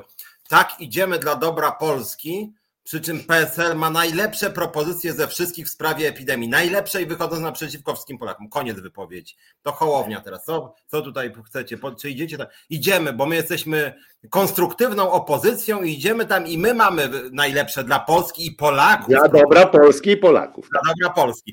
Nikt żadnego nie przedstawił konkretu, żadnego konkretu. Platforma również, no to wyjdziecie. No w tym wyjątkowym przypadku idziemy dla dobra Polski. Platforma jest konstruktywną opozycją i wszyscy są konstruktywną opozycją, przy czym ta ich konstruktywność dokładnie na niczym nie polega, bo jakby żadnych tam konkretów później tak się potłukli, jak można domyśleć się, nic w ogóle nie ustali na tym spotkaniu zresztą. Więc było no ale co mieli ustalić? No jak możesz ustalić, Piotrze, jak my byśmy na przykład, jak, e, e, jak przychodzisz e, do jakiegoś gościa, który, który macie w dupie, tak konkretnie nie ma do ciebie żadnej sprawy, nie? Żadnej. W sensie nie możesz mu niczym zagrozić, niczym nie możesz mu przeszkodzić, w niczym, po prostu nic. Mało tego, wiesz o tym, że jak my na przykład, jak my byśmy byli tak po takich drugich stronach i wiedziałbyś o tym, że tobie dobrze robi, jak ja się tam wkurzę, nie? Jak ja zacznę się pieklić, to tobie dobrze. No to przecież ty byś specjalnie, bym, bym przyszedł do ciebie, ty byś powiedział, terefere, coś tam byś mnie zaczął, wiesz, jakimś takimi e, wkurzać, jakoś tak ten, ja bym wyszedł e, przed te drzwi, zaczął tam trzaskać, rozumiesz, zacząłbym jakieś tam opowiadać, że to e, jesteśmy Szwecją, już nie Polską, jak w, w tym, w potopie, rozumiesz, jakieś takie rzeczy bym gadał, Budka wyjdzie, jak zwykle powie te swoje mantryczne stwierdzenia, to jest skandal i, i drugie, nie ma na to zgody, prawda, bo, bo on zawsze nie ma na to zgody. Zobacz, ile rzeczy się działo bez jego zgody. Zobacz, że, że ten człowiek w ogóle jeszcze to, to, to hasło mu nie przeszło, nie? Nie ma na to zgody a wszystko, szósty rok idzie bez jego zgody, toczy się cały, cały ten, a on ciągle już mógłby zmienić tam takie ten, to swoją mantrę. Tak, nie ma mojej zgody, ale wiem, że jestem, że nie mam na to wpływu. Tak na przykład by tak, takie coś by zaczął tak szczerze na przykład tak otworzył, nie? Nie ma na to zgody, albo tak jak ten on tak wygląda trochę jak Pudzianowski. Pudzianowski na przykład ten, ten osiłek taki i on z kolei każdy wywiad, y, jak ten mówi, tanio skóry nie sprzedam. Tam nawet taki stand-up był specjalnie, że on tam, y, że jego sposób na odpowiedź na pytanie to było na przykład tam, panie Mariuszu, będzie pan walczył ze Zbyszkiem. Zbyszek jest silny. No więc odpowiada Pudzianowski tak, panie redaktorze, będę walczył ze Zbyszkiem, Zbyszek jest silny, ale ja tanio skóry nie sprzedam. E, y, to, e, to, to u Budki mi się wydaje, że właśnie y, to był fajny, fajny stand-upowy występ, e, cała tam seria taka ten, ale wydaje mi się, że Budka jest właśnie takim Pudzianowskim, którego każdy zapyta i można się spodziewać, bo on tam swoje odpowie, tam właśnie tym Monika Olejnik powie, no PiS psuje państwo, a, a on mówi tak, PiS psuje państwo, ale nie ma na to zgody. I, i, I, później się ten Budka broni mniej więcej tak jak Pudzianowski 54 sekundy całe.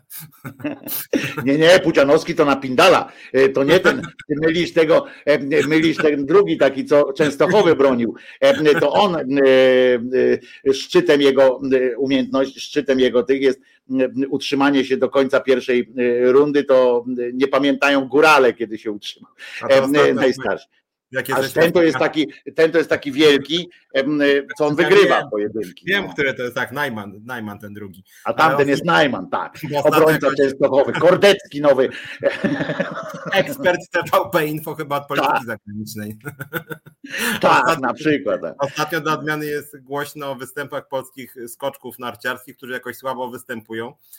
I rozśmieszyło mnie to, jak mówili, że właśnie oni tak słabo wystąpili, bo wcześniej występowali w TVP i lepiej, tylko że może w TVP to po prostu były udawane te ich występy. może my po prostu żyjemy jak w Korei Północnej, nie? gdzie oni tam cały czas wygrywają wojnę. E, e, po prostu cały czas poszerzają swoje, swoje terytorium i w ogóle jest, jest zarypiaście. Amerykanie na kolanach tam leżą e, i błagają Kim Jong-una o, o kawałek chleba i dlatego jest biedny biednie w, w Korei, bo muszą chleb wysyłać. Do... Skacze ten stok na przykład, tam nie wiem, skakał właśnie tam, nie wiem, ten punkt jakiś zielony tam przesuwało studio o 10 metrów, skakał tak naprawdę 114 i tam jakiś inny tam mówi 129 metrów. No, i...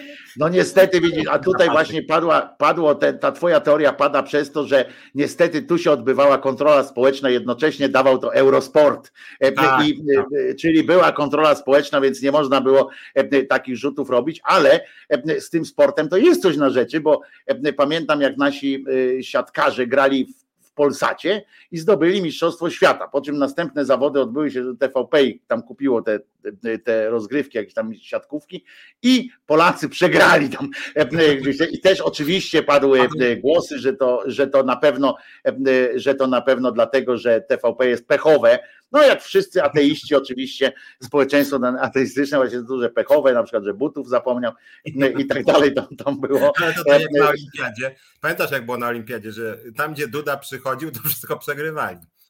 No ale to było naprawdę, nie? To, I to, to po prostu przestawało być zabawne, nie? Bo to jak na jedno przyjdzie i przegrają, no to okej, okay, nie? Ale on nigdzie nie był, gdzie wygrali. To, to po prostu to już zakrawało na jakiś diabelski, diabelski spisek, naprawdę, nie? To już zacząłem zastanawiać się, czy może Edyta Górniak ma jakieś tam racje o tych rogopodobnych, czy jak ktoś tam nazywało ludziach, którzy tam z reptylianami razem coś szczują. Tutaj Lisek na Lisku napisał, pan dzisiaj dużo czytuje, cytuje Lisku, ale dlatego, że wrzuca takie te pytania. Solidarność w Szczecinie protestowała niedawno. Czemu, skoro oni tacy z pisem skumani? No to ja powiem, zanim Piotrek przejdzie do, do, do odpowiedzi, dlaczego, to ja tylko powiem, że to jest element y, y, pewnej gry. No, dopóki, jeżeli oni zrezygnują całkowicie z jakiegoś tam protestowania w nieważnych sprawach, albo ustalą na początku już coś, że coś robią wspólnie, ale tam po, powiedzą po prostu, jest takie coś, słuchaj, y, tak jak kiedyś CRZZ też tak robiło, e, słuchajcie, musimy pokazać, że jesteśmy z ludźmi. No dobra, to w jakiej sprawie? No to najpierw się dogadają po prostu, że w sprawie rozdziału mieszkań. Dobra, to w tym roku mamy akurat trochę więcej mieszkań, to powiemy, że wystrajkowaliście o 20 20 mieszkań więcej.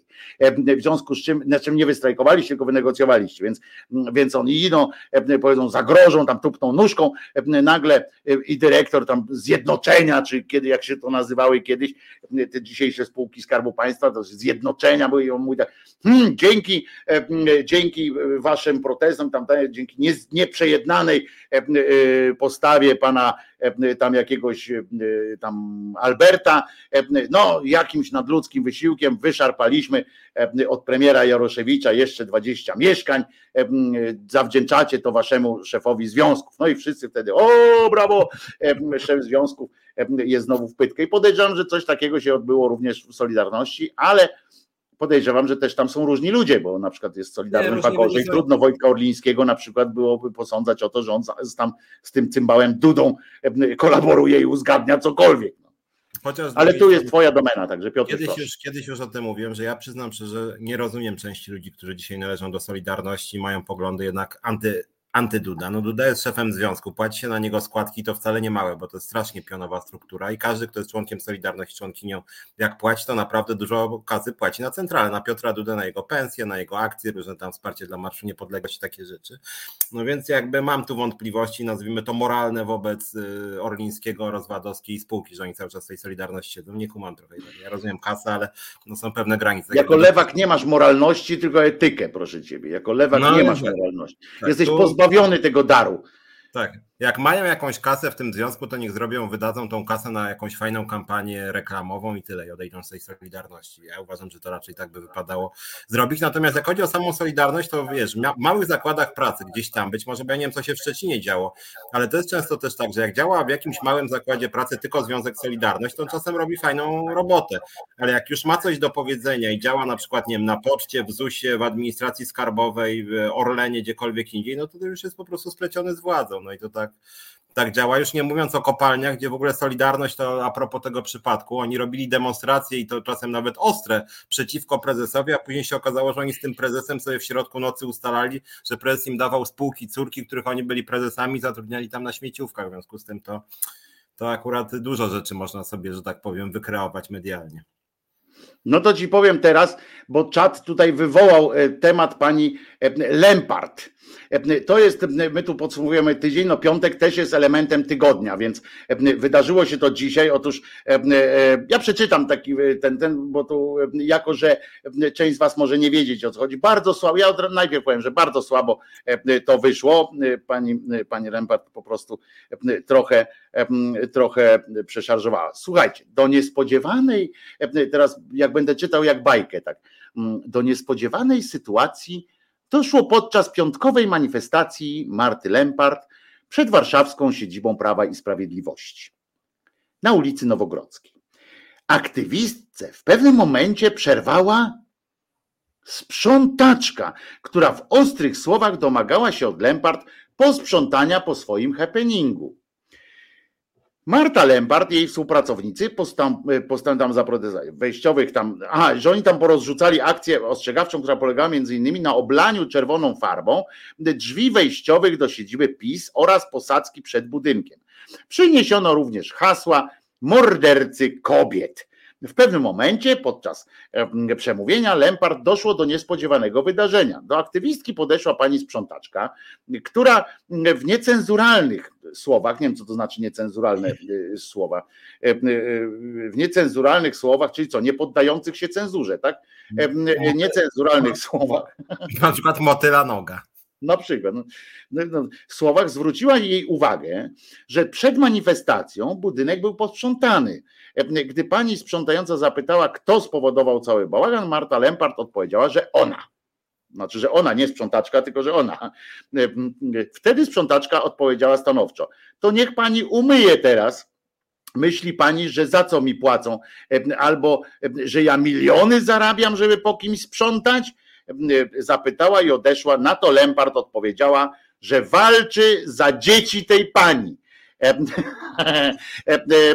Więc, więc to jest, tu jeszcze zresztą jest filmik odpowiedni oczywiście o tym i, i pani tutaj krzyczy właśnie o, że idą i tak mówią, ale to nie będziemy tam ten. Bo tu wolne media, wiesz, robiły relacje i zaraz tamten. Ale to nie będziemy teraz słuchali tego, wiemy o co chodzi. Przyszła pani i mm, e, powiedziała w ten sposób. I, i no, ja akurat zawsze będę powtarzał, to jest taki, to jest tak jak rewolucjoniści też, prawda, e, robili strajk czy coś tam i ludzie, tacy prości ludzie mówili do nich, ty, ale ja muszę przynieść do domu pieniądze, bo w 905 roku to było już tam, pamiętamy te stare rzeczy. Ja muszę przynieść ten, a tam ideowcy na to stawali, którzy na przykład tak jak Janek Krasicki czy inni, którzy w życiu nie przepracowali e, minuty, tylko po prostu żyli ideą, prawda? I mówili, ależ co ty pierdolisz, trzeba walczyć o przyszłość, o ten, a on mówi, ale panie, weź, że pan się ustąp stąd, bo ja chcę e, przynieść, bo, bo moje dziecko jest no, po prostu głodne. No i fajnie, że pan jesteś socjalistą, fajnie, że pan ten, ale e, jak pan chce. Ja tutaj też stoję przy, przy okazji akurat takich eventów, stoję za, za sprzątaczką, za panią sprzątaczką, z panią sprzątającą, teraz to się tak mówi, tak, tak, tak naprawdę. Ja tu stoję za panią sprzątaczką, bo protesty, zresztą w wielu miejscach, takie zorganizowane protesty na świecie, organizuje się tak, że potem się je naprawdę sprząta, to, to, bo chodzi o sam fakt pokazania czegoś, a nie o zostawienie syfu po sobie i często tak jest. To tylko tam ci te samotne wilki, tak, jak pierdyknie na przykład tam gdzieś jajkiem czy coś takiego, to on to zostawia. Natomiast organizacje, jak robią jakieś imprezy tego typu na świecie cywilizowanym, to potem często jest tak, że oni to po, po prostu w ramach albo płacą za sprzątanie tego, albo sami to sprzątają, bo nie chodzi o to, żeby syf po sobie zostawić, znaczy, gdziekolwiek by nie. Mi się wydaje, że to po prostu był źle przygotowany happening. To znaczy, że weszła na taką trochę minę, bo wiesz, bo z drugiej strony no to też też trudno, e, jeżeli na przykład przeszedłby, nie wiem, tłum tam, nie wiem, 100 tysięczny, jak były te demonstracje strajku kobiet bardzo duże i tam mówi, że nie wiem, że to jest bez sensu, bo na przykład, nie wiem, gdzieś tam zostawili e, brudną ulicę, zresztą i tak te brudy były znacznie mniejsze niż Marszu Niepodległość, tak razy 100 mniej więcej. Natomiast rzeczywiście, no trochę miała chyba Lempart pecha, trochę rzeczywiście głupio wyszło, bo wyszło, że ma trochę pogardy dla pani sprzątającej, a Hepenik w sumie nie do końca wyszedł. Zresztą mi się wydaje, że problem strajku kobiet to nie jest nawet taki, że że, że, że, że, że nie za bardzo wyszedł Lempart ten happening, tylko z różnych przyczyn socjologicznie ciekawych, właśnie trochę smutnych, jest to, że ten strajk kobiet się posypał, chociaż różne badania pokazują, że właściwie ma poparcie. To jest trochę tak jak z tą laicyzacją, o której mówiłem na początku programu, że młodzi ludzie strasznie szybko się laicyzują, a nawet część się ateizuje, a mimo to, jak chodzi o e, demonstracje przeciwko przywilejom kleru, to właściwie od lat nie było żadnego dużego. Ja, ja co roku właśnie chodzę na takie na przykład y, y, demonstracje właśnie ateistyczne, które są raz do roku i tam jest 100 osób, 150. Nie ma w ogóle żadnej mobilizacji, chociaż przecież no zdecydowana większość Polaków i Polek no jest wkurzona na Kościół. Nawet jak wierzy w Boga, to że na Kościół to już przesadza z tą samowolą i to jest właściwie większościowy pogląd. I nawet czytam, że 89 ostatnio procent, badania ostatnio 89% Polaków i Polek za dopuszczalnością aborcji w przypadku uszkodzenia płodu, czyli de facto to, co był strajk kobiet, bo to ta przesłanka wkurzyła mm -hmm. ludzi. Więc chciałoby się powiedzieć, że dzisiaj to w ogóle powinno być tak, że Lempart nie robi żadnych, bo właśnie ona zrobiła ten happening po to, żeby było niej trochę głośno, tak? Bo nie ma demonstracji dużych, to trzeba jakoś tak przed mediami, żeby się pojawiło. No i właśnie to jest smutne, że takie wiesz, że takie happeningi jeszcze na tego nie wyszło, są, e, kiedy w gruncie rzeczy ludzie popierają e, liberalizację ustawy antyaborcyjnej, osłabienie kościoła i w ogóle to, żeby kościół nie miał takiego wpływu, no, żeby nie, nie pchał się do kobiecego ciała i tam jakby nie, nie ładował swoich łap, a właściwie to robi teraz, no bo przecież ten cały na przykład kolejna sprawa, pomysł na ten rejestr ciąż, to jest w ogóle jakiś, ja nie wiem, no takie trochę brzmi jak jakiegoś Buñuela, jakiś surrealizm totalny, jakaś mieszanka Franco i jakiegoś ciężkiego poczucia humoru tak naprawdę, tak? Więc, więc ja jestem trochę, jak chodzi o tą Lempart, tak trochę nie wiem, co powiedzieć, bo. A ja wiem, spierdoliła sprawę.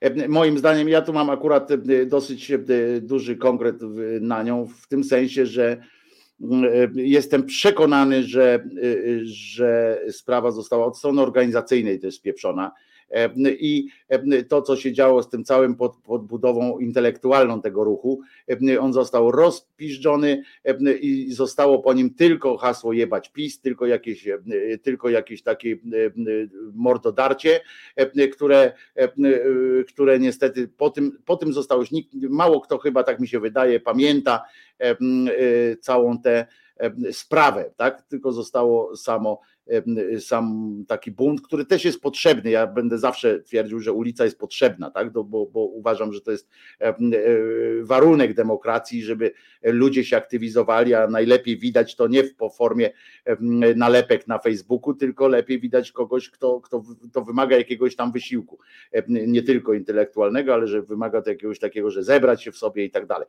Natomiast, natomiast tu zostało spieprzone i wiem, że ja jestem stary dziaders, nie jestem kobietą, kobietą po pierwsze, po drugie e, tak jak to kobiety, niektóre te obrończynie Lempart mówią tak, że, że stary dziad się nie powinien wypowiadać o tym.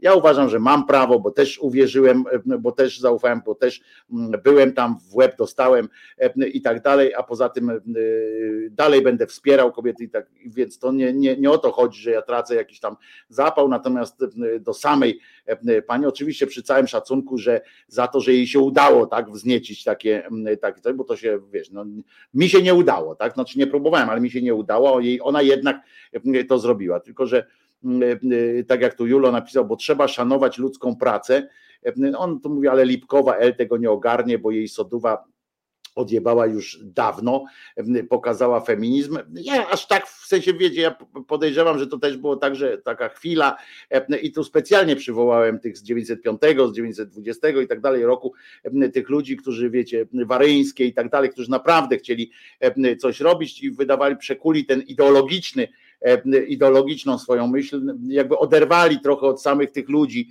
e, bezpośrednio. Oni myśleli, e, mówili właśnie tymi kategoriami, ale ja dla was, ja dla was, ludzie, rozwalmy tę fabrykę, nie?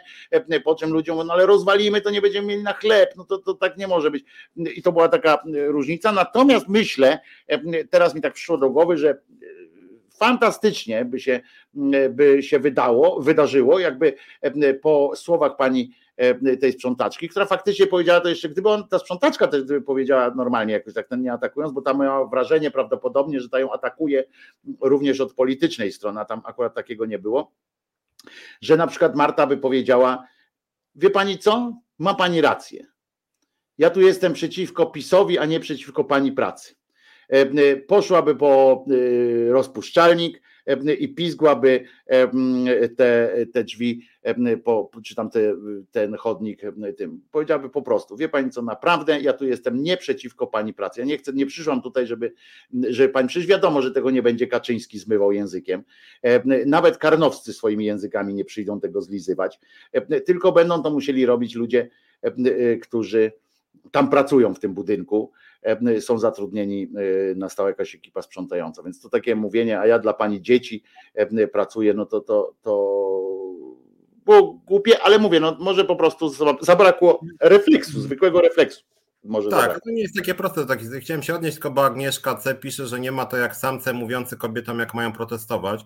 Znaczy ja powiem tak, no ja jestem na przykład y, liderem związkowym i jakby biorę na klatę wszystkie uwagi krytyczne i nie mówię tak, że nie będzie mi mówił y, ktoś tam, nie wiem, emeryt, jak związkowiec ma protestować. No żyjemy w społeczeństwie i wszystkie nasze działania są oceniane publicznie. Ja akurat y, nie powiem we wszystkich, ale w zdecydowanej większości demonstracji strajku kobiet brałem udział. Co więcej, ja byłem w momencie tam w jakiejś radzie konsultacyjnej nawet w związku zawodowym, którym kieruję, część osób się nawet obraziło na mnie i na związek, że my za bardzo się angażowaliśmy w strajk kobiet, bo oni uważali, że to jest za mocno. W związku z tym akurat do mnie zarzut, że ja tam mówię, jak mają protestować, to nie jest dobre, aczkolwiek jako obywatel też y, mówię o tyle, że jestem trochę wkurzony, bo uważam, że pewna energia została zmarnowana. Ja też się zaangażowałem nawet osobiście w to i zapraszałem tysiące ludzi, żeby brali udział w tych demonstracjach. Zaangażowałem związek, którym kieruję i mężczyzn i kobiet, akurat u nas związku jest większość kobiet zdecydowana akurat akurat jak już o to chodzi, a we władzach mamy mężczyznę i kobietę, w komisji rewizyjnej też mężczyznę i kobietę, więc 50 na 50. Natomiast rzeczywiście uważam, że coś złego się stało i mam wrażenie, że coś złego się stało też na górze, no. I to, co dzisiaj się stało, jest jakby chyba tego częścią, tak, że, że z tego na przykład strajku kobiet, który miał potężną energię, w pewnym momencie to się stał ruch, ja nie lubię słowa, że coś jest polityczne, ale polityczne w tym sensie, może partyjne bardziej, że to był ruch na rzecz liberalizacji ustawy aborcyjnej, a zrobił się z tego trochę Komitet Obrony Demokracji 2 ze wszystkimi wadami i zaletami, to znaczy z tym, że tam było tych postulatów, już teraz dzisiaj jest 150, ja jestem nawet na takiej liście na Telegramie, gdzie dostaję komunikaty, są na każdy dowolny temat, każdy dowolny temat, już ten wątków związanych z prawami kobiet to jest, ja nie wiem, może 40%, więc gdzieś to się też chyba rozmyło, E, no i rzeczywiście, znaczy, ja, nie mówię, że ja bym to lepiej zrobił, jakbym był liderem aż tak dużej inicjatywy. Ja jakby ja w ogóle jestem, jakby to powiedzieć, w działalności społecznej bardziej długodystansowcem. Tworzę związek i, i nam przychodzi co, no ostatnio akurat sporo nam doszło tam z, z tysiąc osób w ciągu trzech miesięcy, e, ale generalnie rzecz biorąc staram się budować jakoś tak, że stopniowo ci ludzie dochodzą, jest coraz więcej. Natomiast rzeczywiście strajk kobiet się wypalił potwornie szybko. To było 100 tysięcy, a dzisiaj zostało 10, powiedzmy, jak widzę skalę mobilizacji. Nie, bo to też była, nie, nie, nie była też akcja zapowiedziana, nie było zwołane, ten to też nie możemy tak powiedzieć. Natomiast e, po pierwsze odpowiem, że kiedyś Wojtko mówiłeś o Lempart, ciocia Marta dla Czesinka, no bo dalej jest ciocią Martą, ona mówiła do niego, e, mówiła ciocia, do Czesinka mówiła, więc dalej jest ciocią. Nie, to, nie, to, że ja oceniam, pamiętajcie, że to, to, to nie jest ocena, ocena jakaś tam, musimy się kurczę oduczyć, ja też to mam często, że, ocen, że jak ktoś mówi o jakiejś ocenie jakiegoś faktu, to potem od razu jest to przełożone przełożone też na, na osobę i tak dalej. To zupełnie nie. Ja, tak jak tutaj ty mówisz, że, że pani tak napisała, że nie ma to jak, jak dziaderyzm. No widzisz, wyprzedzająco nawet o tym mówiłem wcześniej, że na pewno zostaniemy tak potraktowani, bo przez, przez kogoś, bo, no bo tak to jest, bo to jest niestety taka klasowość, która, która mnie też trochę, klasowość tutaj akurat podzielona na ten, przecież naprawdę dopóki, wiesz, to, to, to też pani mogę odpowiedzieć tak, dopóki co, dopóki tam szedłem i, i brałem w łeb, to byłem dobry, tak, dziaders. Jak, jak zgłaszam jakąś, jakiś problem, przecież nikt nie odbiera szacunku, nikt nie odbiera za to, co się działo, tylko wyrażamy po prostu troskę. Mało tego, nikt z nas, żaden z nas nie powiedział, nie, nie, nie wchodził w rolę Marty Lempart i czy kogokolwiek, żeby mówić, jak mają żyć, jak mają protestować. Ja poszedłem, nigdy nie wpadłem na pomysł, żeby właśnie powiedzieć, pójdę tam pod warunkiem, że coś tam. Nie, powiedziałem raz i zadeklarowałem to i dalej tego się trzymam, że zawsze będę stał za prawami kobiet i niezależnie od tego, prawami człowieka w ogóle, ale też wyjątkowo, też dodatkowo za prawami kobiet osobliwie i obojętnie kto tam, czy Marta Lempar będzie na, na, na, na czele tego, tego ruchu, czy, czy nie wiem, ktokolwiek tam się zmieni i będzie chodził, chodziło o prawa kobiet, no to tam pójdę. Natomiast no, każdy z nas ma prawo wypowiedzieć swoją opinię co do, co do stanu faktycznego faktycznego. I ja mam żal e, przede wszystkim, nawet nie o te e, kryteria uliczne tak zwane, tylko o to, jak została potraktowana ta rada konsultacyjna, jak zostały potraktowane kobiety e, w, w tak zwanym, w tak zwanym terenie i e, które zostały, które po prostu, e, no część z nich odeszło. To nie jest moja, e, to nie jest mój wymysł, że, że odszedłem na przykład tam z organizacji, no ale jeżeli kobiety, które działały w regionach z narażeniem naprawdę dużo większym życia, zdrowia i przede wszystkim swojej przyszłości zawodowej i tak dalej, gdzieś tam w terenie broniły tych spraw i wychodziły, a zdecydowały się zrobić to już teraz poza organizacją OSK. No to, to, to o czymś to świadczy, ale to mówię, to nikt nie, nie odbiera zasług temu, co się wydarzyło, tylko że teraz no, sprawdzamy, patrzymy i po prostu mówimy. A Dorota jeszcze tu pisze, a ja Martę Lempart, a ja lubię Martę Lempart i teraz możecie cmoknąć w hydrant. No i co z tego wynika? Dorota, to jest takie mówienie, że, że to, a ktoś tutaj zakazuje ci lubić albo coś takiego. No bardzo dobrze, po co ten hydrant? No pewnie, że możemy pocałować hydrant, no ale nie wiem, to dla przyjemności, dla, e, dla, dlaczego. No, każdy tu kogoś lubi e, i, i już, no przecież nikt nie mówi, że nie masz Teraz my tu stoimy na zdjęciu, proszę wypindalać wszyscy, którzy, którzy lubią Martę Lempart. Ja ją prywatnie też nawet lubiłem, bo, bo dlaczego? Teraz dawno z nią nie miałem kontaktu, więc nie wiem, czy jej nie odwaliło tak prywatnie również. Nie wiem po prostu, ale na tym wtedy jak ją znałem, to, to, to ją lubiłem prywatnie, bardzo fajna, uśmiechnięta kobieta i, i miała bardzo fajne argumenty, tylko że wiem, może przerosła ją organizacja, może, może, może coś tam. To już jest dla socjologów, dla, dla Piotra, może bardziej dla analityka politycznego, związkowego, organizacji również, wiesz, ja nie uczestniczyłem w tylu organizacjach, że móc powiedzieć, jak one ewoluują tam na górze, jak to się zmienia, wiesz, postawa szefa czy, czy, czy kogokolwiek, wiesz, tego nie, nie kontroluję, nie wiem po prostu, jak to się odbywa, bo nie widziałem tego, wiesz, na, na własne oczy tak po prostu. Aczkolwiek ja z tego, co ja widziałem, to rzeczywiście, bo przez strajk kobiet przewaliło się bardzo, bardzo dużo pieniędzy w sumie z różnych datków. I nawet to, co powiedziałeś, bo to jest akurat, ja wiem, że to jest bardzo duże wyzwanie. Na przykład dla mnie, jako lidera związkowego, my jesteśmy Związkiem Ogólnopolskim, też jest bardzo duże wyzwanie, mianowicie delegowanie zadań. Wbrew pozorom bardzo no. poważna sprawa, delegowanie zadań. I się okazało, że z tego co ja widzę, tego delegowania zadań właściwie nie było. Jak było to dla jakichś osób mówiąc delikatnie o kompetencjach nie zawsze wybitnych, ale posłusznych właśnie y, dwóm liderkom kluczowym, Suchanow i Lempart, y, które właściwie wszystko wzięły na siebie, ewentualnie bezpośrednio kontrolując w 100% osoby, które były pod nimi. Nie wykreowano żadnych liderek regionalnych, co jest moim zdaniem błędem, bo jeżeli ruch ma być ogólnopolski, no to musi mieć jakąś sieć. Tak? Ja, ja mówię, dla mnie, w związku z tym, że ja też mam ruch ogólnopolski, to ja wiem, że to jest tak naprawdę kluczowe wyzwanie dla ruchu. Stworzyć sieć zaufanych ludzi. Wiemy, że żyjemy w społeczeństwie o bardzo niskim kapitale zaufania. I ja to wiem, ja to widzę, trudno jest ludziom ufać, ale jeżeli się nikomu nie ufa i nie można stworzyć nawet, nie wiem, sieci 20 osób, które mają pewną wiedzę, pewną wizję, pewne doświadczenie, no to ruch też siada. No po prostu to jest jakby dramat, ale to jest problem partii politycznych, to jest problem ruchów, związków zawodowych, e, to jest problem właściwie, a ruchy oddolne mają jeszcze większy problem i mam wrażenie, że w strajku kobiet coś tutaj też nie zadziałało, że na przykład właśnie nie stworzono sieci tych liderek lokalnych, tylko jakąś taką wianuszek wokół właśnie tych liderek krajowych, które były niewyraźne, moim zdaniem często wiedza ograniczona, bo widziałem jak się te rady rozwijały, nie będę tutaj tego rozwijał, ale moim zdaniem średnio. Mm, I, I cóż, no i mamy to, co mamy, już nawet niezależnie od oceny, nawet jeżeli możemy tu się nie zgadzać, ktoś może mówić, że, że one fantastycznie działają, ale jeżeli fantastycznie działają, no to dlaczego mamy to, co mamy, czyli w gruncie rzeczy strajk kobiet obecnie nie istnieje w debacie publicznej. No nie ma go po prostu, nie ma sił mobilizacyjnych. Ale jeszcze też, żeby było jasne, też jeszcze za wcześnie jest, żeby to pogrzebać, bo, nie, bo co, takie, oczywiście sytuacja bo takie, takie organizacje y, też nie działają, y, bo ile można cały czas być na wznoszącej. Pamiętajmy o tym, że, że, że to może może, mm, może odbić po prostu, może się, może się coś jeszcze wydarzyć. Pamiętajmy, że PiS też w tym pomoże, bo na pewno przygotuje jakiś szereg konkretnych ruchów, które no, rejestr znowu... wciąż na przykład. Rejestr tak, wciąż jest takim pomysłem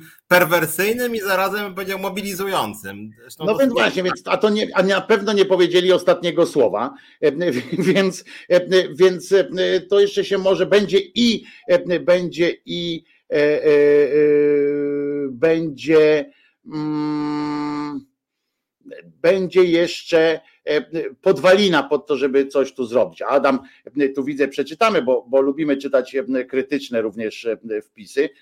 Nie boimy się, prawdziwa cnota krytyk się nie boi, proszę bardzo. Obrzydliwe, pisze Adrian Jasiński, jeżeli byś mógł Filipie wrzucić to na ekran, to też, bo to długi taki wpis.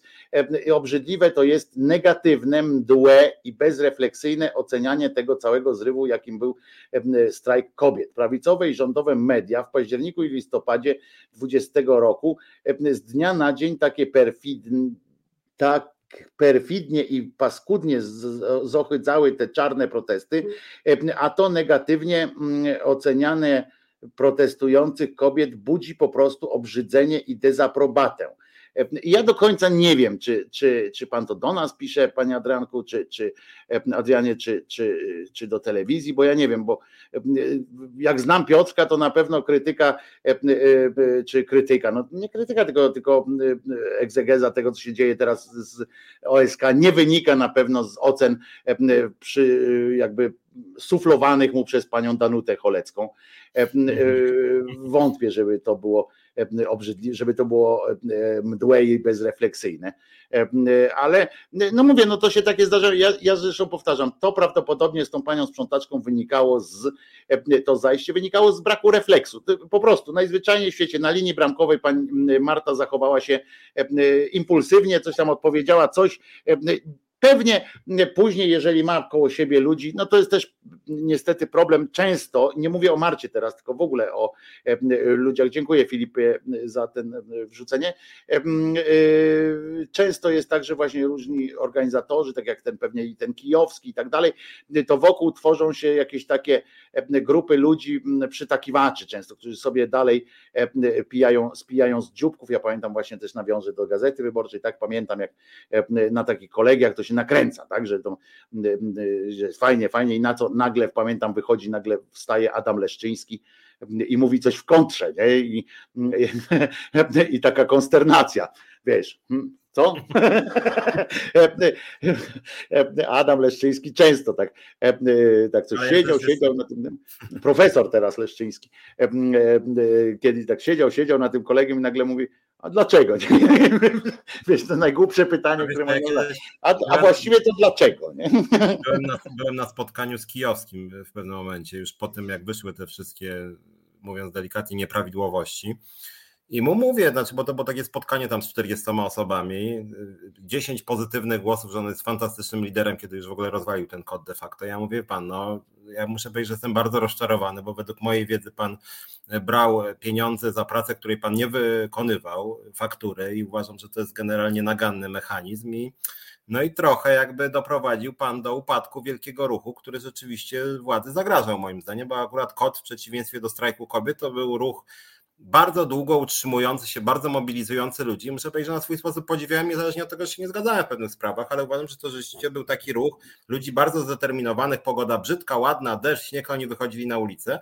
I tak sobie teraz pomyślałem w kontekście tego, co mówimy o Lempart, że dla mnie to jest miara wielkości, nazwijmy to, działacza społecznego polityka. To, to nie jest taka, że jak jesteś na topie, to, to, to, jesteś na topie właśnie i jest ci fajnie czy nie fajnie, bo to oczywiście jak ktoś w ogóle jest nawet przez chwilę na topie, to znaczy, że jest kimś, nie? że coś tam mu się udaje, że ma jakiś sukces, tego Lempart nie odbierzemy, ale wydaje mi się, że o sile polityka czy działacza społecznego, działaczki świadczy to, jak sobie radzi z kryzysami, tak? kiedy coś nie wychodzi. I na przykład Petru, którego się pół Polski śmiało na końcu już, to był facet, który moim zdaniem o tyle okazał się miałkim politykiem, w tym sensie, że on sobie nie poradził z pierwszym kryzysem. Pierwszym kryzysem, czyli wyjazd z kochanką na Maderę, który w gruncie rzeczy nie była to taka straszna rzecz, bo tam były protesty wtedy, ale on w ogóle w sumie słusznie tłumaczył, właściwie słusznie tłumaczył, że my byliśmy umówieni na dyżury, tam bodaj w Sejmie były jakieś dyżury, rzeczywiście tam protestowali przeciwko PiSowi i on akurat miał lukę w tych dyżurach trzy dni i postanowił sobie wyjechać y, z przyjaciółką na Maderę. I w, wszystko zgodnie. Za swoje, nie z pieniędzy państwowych, z, z, kochanką, ale co z kochanką, to pół Polski ma kochanki i kochanków, więc nic z tym złego, ale tak się pogubił tym, nie potrafił się odbić, nie potrafił zrobić czegoś, co by to przykryło i generalnie Polek i na tym się skończyła jego kariera polityczna. To samo z Kijowskim. Kijowski moim zdaniem miał znacznie większe przewinienie niż Petru akurat, ale też nie potrafił się odbić. Wyszły te faktury, nie fajna rzecz, ale w Polsce mniej fajne rzeczy wychodzą i policji się odbijają. Patrz, no Sasin to cały czas jest w polityce na przykład, a robił rzeczy 100 razy gorsze niż Kijowski, ale Kijowski od czasu, kiedy wyszły te nie, nie odbił się. I teraz pytanie, ja nie wiem. Lempart kilka wpadek tam yy, zaliczyła i pytanie, czy jest w stanie się odbić? Być może tak. Być dobrze było pewnie. Moim zdaniem, moim zdaniem jest w stanie się odbić. E, jeżeli, e, ale to moim zdaniem oczywiście, to moim zdaniem wymagało właśnie powrotu do współpracy merytorycznej z, z kobietami, które mają, które mają właśnie budowanie programu. Pamiętaj, że one budowały program, którego, który w końcu nie powstał, dlatego że że panie, tak jak mówisz, miały kłopot z delegowaniem tych i przyznawaniem się do tego, że, że to czyjś pomysł, a nie ich, prawda? One wszystko przedstawiały jako swój pomysł. Tak. E, niestety i go tam trochę modyfikowały pod swoim kątem i, do, i każde kończyło, każdy pomysł się kończył hasłem no i edukacja seksualna, nie? I, i w związku z czym po każdej konferencji e, odbywał się tekst, odbywa, pokazywały się teksty, że znowu o edukacji seksualnej, PiS odpowiadał o edukacji seksualnej i w związku z czym ta cała merytoryczna treść szła psu w dupę z całym brakiem smaku.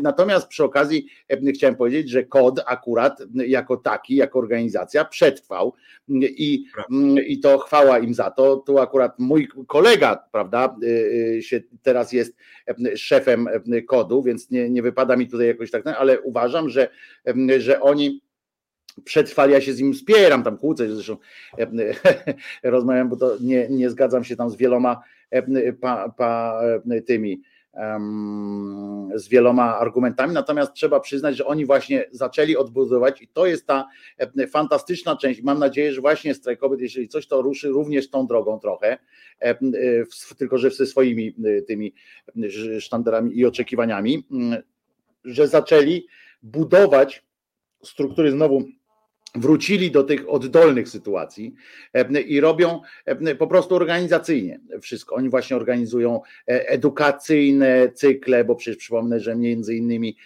ta Tour de Konstytucja to jest kod właśnie również. Oni organizują też te manifestacje, współorganizują, ale już nie biorą tego tylko na siebie, tak? Już nie są takie to ja, to ja, to ja, tylko wiedzą, że nie stać ich na to, żeby ściągnąć teraz tam, nie wiem, 100 tysięczną zorganizować sytuację, więc dołączają do, do różnych fajnych sytuacji. Ja pod względem organizacyjnym mówię, że bardzo dobrze się stało, że przejęli to. Ludzie przejęli to ludzie spoza Warszawy e, i dbają o ten, o to i to mi się, to mi się podoba.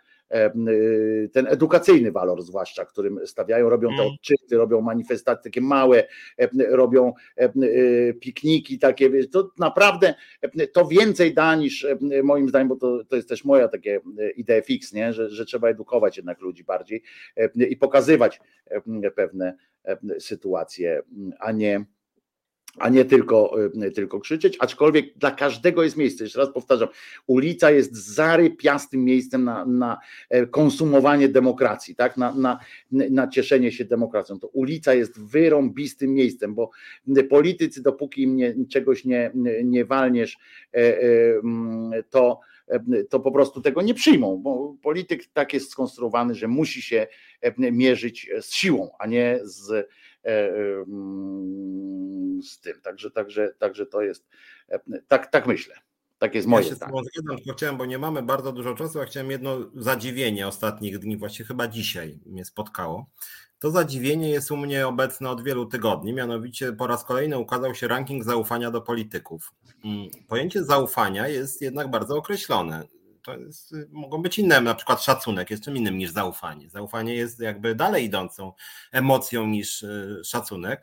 No i wyszło, że w rankingu zaufania, zaufania zdecydowanie pierwsze miejsce ma Andrzej Duda. I to jest dla mnie, ja muszę powiedzieć, że ktoś mówi, że ja jestem wyabstrahowany, jakiś intelektualista z Warszawy, no może chyba tak, ale przyznam, że, a drugie miejsce ma Mateusz Morawiecki, a trzecie ma Hołownia. I cała ta trójka, ja, ja mówię, szacunek, nie wiem, poparcie dla opcji. Ale znaczy, no akurat szacunek, szacunek w wypadku Andrzeja Dudy czy Morawieckiego, ludzi, którzy potrafią, wiesz, tu akurat przesadziłby się i powiedziałbyś, że rozumiem jeszcze szacunek. No nie, wobec, od razu ci tu przerwę, bo nie, nie, nie dopuszczę, żebyś to zabrnął, bo potem musiałbyś włazić pod stół, szczekać i, i, i różne takie robić brewerie. Może byś przestraszył swoją kolegę, kochaną Sunię, bo, bo, bo to było przykre. Natomiast, no nie, no, no szacunku do gościa, który wychodzi ale... i mówi: Siedzę ja, ja na tle zielonej ściany. Ta ściana jest zielona i jest zajebista. Wszyscy teraz dostaniecie zielone ściany, prawda? Nie, no to nie, no, to nie, nie. Bo chodzi mi o to, że, że jak jesteś pisiorem, no to wtedy powiedzmy sobie, jakby popierasz i nie patrzysz w ogóle na kogo, tylko popierasz każdego polityka PiSu. Popierasz. No tak. Natomiast zaufanie to jest coś takiego, że jakby uważasz człowieka za wiarygodnego. No więc Andrzej Duda, no mówię, to, że ktoś go popiera, no to jeszcze powiedzmy, że popiera program PiSu. No, niech nim będzie. Ale Duda jest tak niesamodzielny, jakby na kilometr jest niesamodzielny. Znaczy to jakby trudno tego nie widzieć, że on jakby wykonuje polecenie Kaczyńskiego, który ma, dla, co ciekawe, zaufanie o 15 punktów niższe, czy 20 nawet, tak? Więc to jest dla mnie niesamowite, że nie ufają Kaczyńskiemu. To ja bym jeszcze był, byłbym przerażony, ale bym rozumiał, jakby ufali Kaczyńskiemu, bo ten jest konsekwentny, mówi to zrobię, przepędzę tego Tuska, zniszczę te kobiety, tam przepędzę LGBT. Ja bym powiedział, Jezus, Marek jest straszne to społeczeństwo, no ale przynajmniej rozumiem, że Kaczyńskiemu ufają, a ludzie nie ufają, bo to przydupas, yy, przydupas Kaczyńskiego. A tu jest odwrotnie. I to jest dla mnie niesamowite. I drugi ten Morawiecki, który no naprawdę, wiem, że może zaraz będą, że obrażam elektorat PiSu, ale ten Morawiecki kłamie permanentnie już. No, znaczy on jest jakiś od kłamania uzależniony i takie, jawne, takie jawne bzdury, nawet jak komuś się podoba to, co Morawiecki mówi, to mówi, no dobra, dobrze robi ludziom, ale bzdury gada, ale już no dobra, niech mu będzie, prawda ufać temu się nie da, ale, ale popieram, popieram ten rząd. No nawet to jeszcze bym mógł ostatecznie zrozumieć. Ale ufać Morawieckiemu, który, no mówię, co, on już z tym kłamaniem to już tak jedzie bez trzymanki, że jakby się kupy w ogóle nie trzyma totalnie, też te, że cud gospodarczy, no naprawdę, no ludziom się coraz gorzej, tak również były badania, że pisowi, tym pisiorom się coraz gorzej powodzi, więc jak facet mówi jest cud gospodarczy, no to jak ja bym pytanie do, nawet jakbym ten PiS popierał, dzwonią do mnie, panie, ufasz panu Morawieckiemu? Ja, no kurczę, no, no w sumie wszyscy od tego PiSu gorsi, może PiS popieram, ale ufać Morawieckiemu, no, a tu wychodzi, że jednak te 40% ufa. I trzeci Hołownia, który ostatnio zdaje się, że on chyba błysnął ostatnio stwierdzeniem, że ten rejestr wciąż to chyba o nim się powinni najpierw eksperci wypowiedzieć, zanim on będzie miał własne zdanie. No to no też przy całym szacunku na Hołowni trochę trudno mu jest ufać. Znaczy ja może jestem specyficznym człowiekiem, bo ja w ogóle tym wszystkim politykom chyba bym powiedział, że nie ufam żadnemu z nich, jak chodzi o zaufanie. Ale że w ogóle, w ogóle kwestia, kwestia badania poziomu zaufania yy, yy, do polityków jest dla mnie e, jakąś taką aberracyjną sytuację, bo jakbyśmy tak. zrobili z kolei, bo są takie badania z kolei, e, to chyba jeszcze kiedyś robił profesor no ten co teraz chory, co robił tą analizę społeczną co, co roku była ten, jak ja wiem, tak, tak, pamiętam, tak. Diagnoza. Diagnoza społeczna chyba coś tak, tak nazywało. Tak, tak. Co on robił? No to generalnie wychodzi z, z tego, że tam jakieś śladowe w ogóle sytuacje, jakiś pierwiastek po pozerze jest jest skłonne ufać politykom, w ogóle użyć takiego słowa, prawda? Użyć takiego słowa, że zaufanie. Tutaj jest problem z badaniami, no to w tym, to nie był profesor od Rydzyka Ewo, to był profesor, naprawdę profesor, socjolog, kurczę, zapomniałem teraz nazwiska, przepraszam, na pewno przypomnijcie, ten, kto robił diagnozę społeczną co, co roku. Przepraszam, bo to bardzo mądry, mądry człowiek był i bardzo żałuję, że go już nie ma w sensie takim, bo on chory, że go nie zapraszałem tych analiz. Nie zawsze się z nim zgadzałem, ale to zawsze były po. Jak? Czapiński. Czapiński, tak jest, który zawsze te badania były, zawsze te jego słowa były poparte naprawdę głębokimi badaniami, a nie, a nie jego, jego tym, co mu się wydaje, tak? Co my sobie możemy na to pozwolić, prawda? Że mówić na temat, co się wydaje. Natomiast jak się zaprasza naukowca do do, do komentowania, to oczekiwalibyśmy, że to jego mówienie to nie jest tak jak w większości profesorów, których zapraszają do TVP, e, czy przepraszam, nie nawet nie do TV, tylko do TVN, no wszędzie do telewizji, to oni opowiadają tak samo jak każdy inny z ulicy, prawda? Tak, co mu się wydaje, co tamten, to, to nie są, nawet jak ja się zgadzam z tymi profesorami, to czasami, no dobra, no ale, ale dlaczego mnie nie wzbogaciłeś o to, że właśnie, że przeprowadziliście tam na, na tej, na tej e, e, na tym, w katedrze własnej przeprowadziliście jakieś tam badania, dlaczego ja e, przy okazji nie słyszę od ciebie tej nazwy tych badań, czy czegokolwiek, żeby, żeby gdzieś potem pójść dalej, tak, i zerknąć na, na te badania, żeby coś tam zrobić. To wszyscy, mm, ja mi się wydaje, że PiS, a Czapliński naprawdę trzeba mu to oddać, że zawsze robi. I dlatego mówię o tej diagnozie społecznej, w jego tym to wychodziło, na przykład dziennikarze, tak, mają tam, mieli, to było widać, jak po dziennikarzach spadało, na przykład jak z roku na rok dziennikarzom spadało, to było przerażające po prostu dla mnie, jako jak, jak wtedy się zajmowałem zawodowo takim dziennikarzeniem, to to naprawdę było dla mnie przerażające, jak widziałem ten spadek prestiżu tego zawodu. No ale dzisiaj czytałem ci dwa, dwa teksty i obydwa były e, napisane taką grafomania, że, że po prostu się nie dziwię. E, a po drugie, e, więc w związku z czym o tym zaufaniu, to mówię, to słowo zaufanie to wynika z tego, że w tych badaniach, to też musimy sobie powiedzieć jasno, że w tych badaniach po prostu narzucone zostaje słowo zaufanie, nie do końca w tym, w tym znaczeniu, w jakim powinno być. Tam nie powinno być słowo zaufanie. Czasami fajne jest takie pytanie, kogo byś zaprosił do, do stołu to mhm. jest dużo lepsze pytanie, bo co to jest zaufanie? Jeżeli, jeżeli ja bym was zapytał, komu ufacie, no to o co chodzi? To, to, to jest tak, jak Piotrek powiedział, na przykład można ufać, że e, e, Kaczyński ma dobre intencje. Prawda? Jest część polityków, część e, nawet lewicowych, tam dziennikarzy i tak dalej, którzy mówią, że on to robi dlatego, że ma dobre intencje, rozmijające się z moimi intencjami, ale w jego mniemaniu są to dobre, tak? Czyli generalnie jest dobrym człowiekiem, tylko w złym kierunku idzie. Nie wiem, jak to, to brzmi w no ogóle tak, masakrycznie, tak. ale tak jest. No w związku z czym ja mam zaufanie do tego, że on zrobi to, co no, obiecał, tak. no, ale, ale to nie jest zaufanie, bo zaufanie to rozumiemy tak naprawdę, e, czyli kimś, czyli o tak jak tutaj Lubomir, że y, sobie ufam, y, znaczy nie, tak jak Paweł Jachot, czy za, został, zostawiłbyś swoje dziecko na cały czas na przykład obcemu?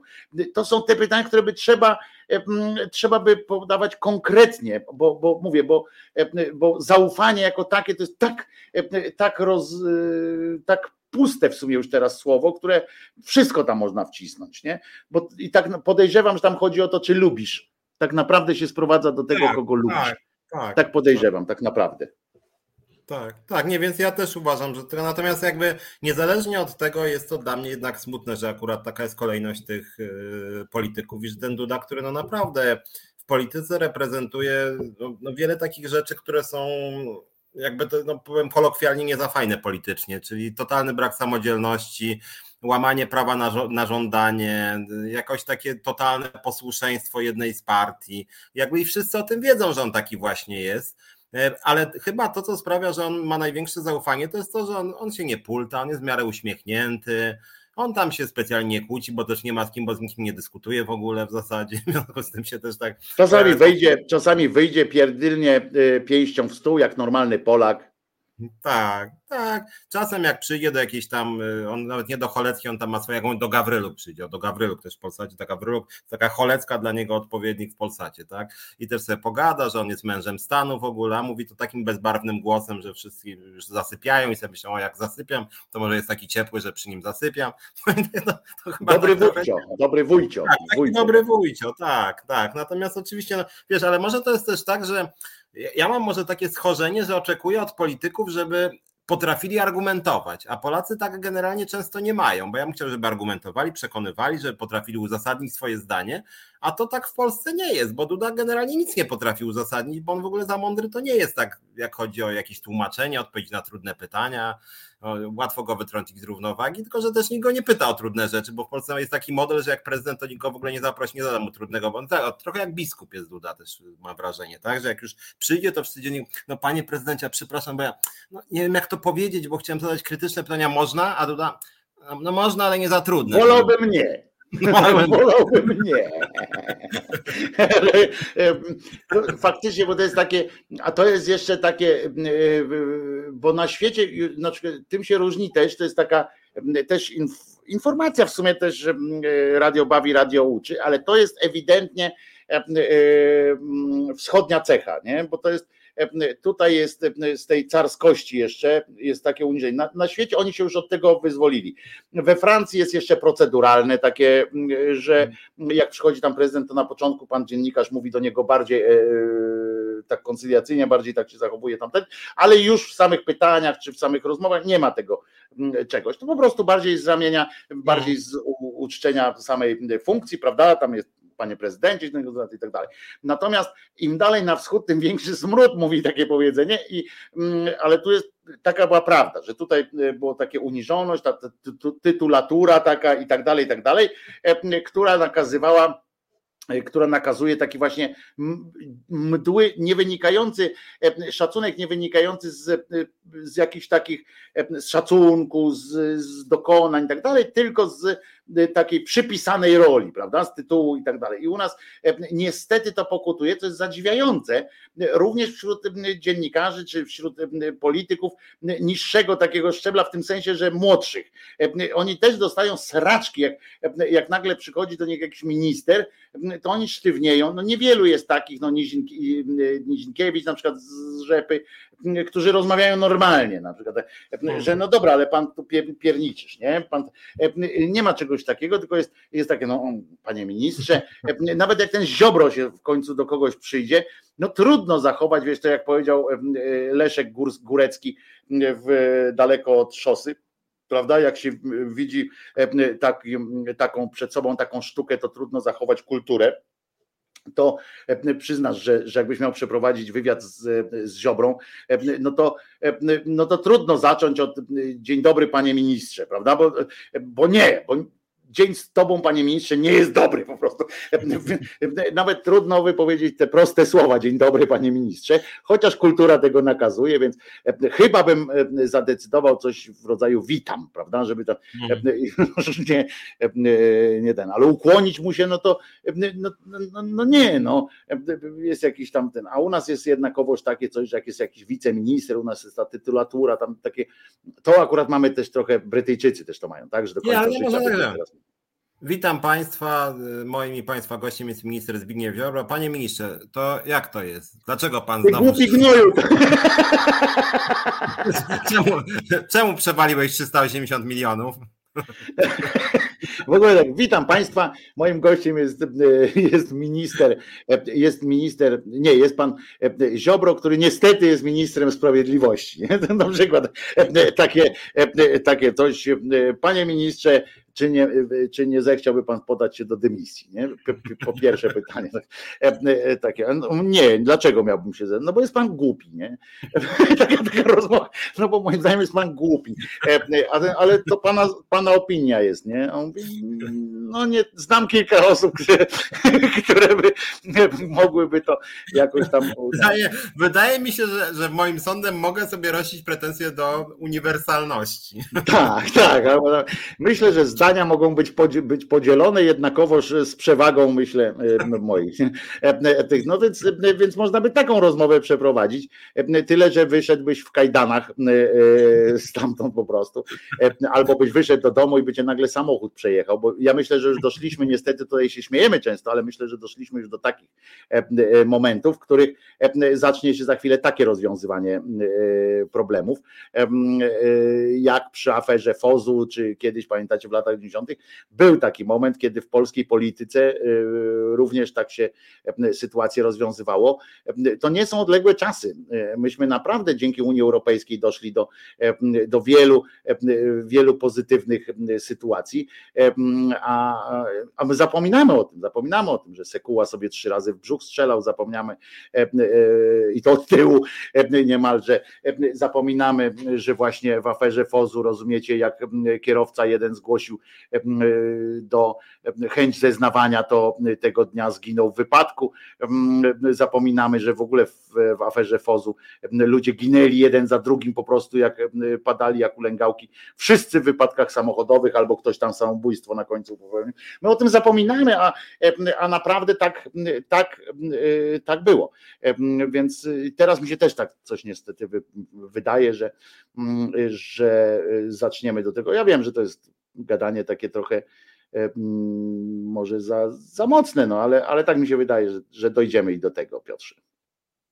No mam nadzieję, że nie. Aczkolwiek rzeczywiście, znaczy ja ze swoich y, obserwacji związkowych śledzę, że oni na przykład tych spółkach Skarbu Państwa, wiele razy to mówiłem, są bardzo brutalni, to znaczy zastraszają, mobbingują, straszą pozwami, nasyłają służby, no i rzeczywiście jest to jakby coraz mocniejsze, bym powiedział, i naprawdę dużo mocniejsze od poprzedniej ekipy, która bądź co bądź PO jest antypracownicze, ale takich jazd przy wykorzystywaniu służb, no to przyznam że nie było.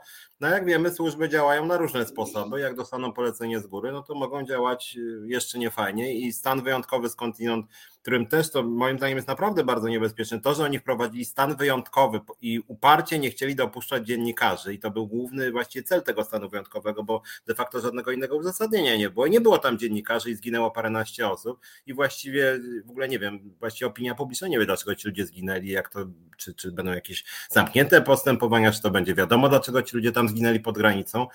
Mm, więc to jest, no, nie nastroja jakoś bardzo optymistycznie, no chyba, że za dwa lata w wyborach y, rzeczywiście się z władzą pożegnają.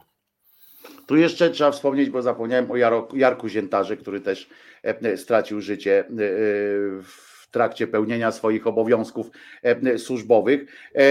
Ale ja wam chcę przeczytać jeszcze coś, coś takiego. Słuchajcie bo to jest dosyć, e, dosyć ciekawe. To jest e, wpis e, Tomka Sikory. No i mamy, to jest, no trochę jest, Filipko, jeżeli możesz napisać mi, czy, czy możemy na to, czy mogę jeszcze chwileczkę, możemy zostać. No i mamy ustawę o, o E, o ograniczeniu praw e, obywatelskich w strefie nadgranicznej, na przykład, prawda?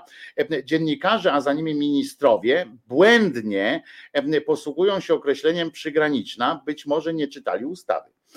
Strefa nadgraniczna to obszar gmin znajdujących się w promieniu 15 kilometrów od granicy.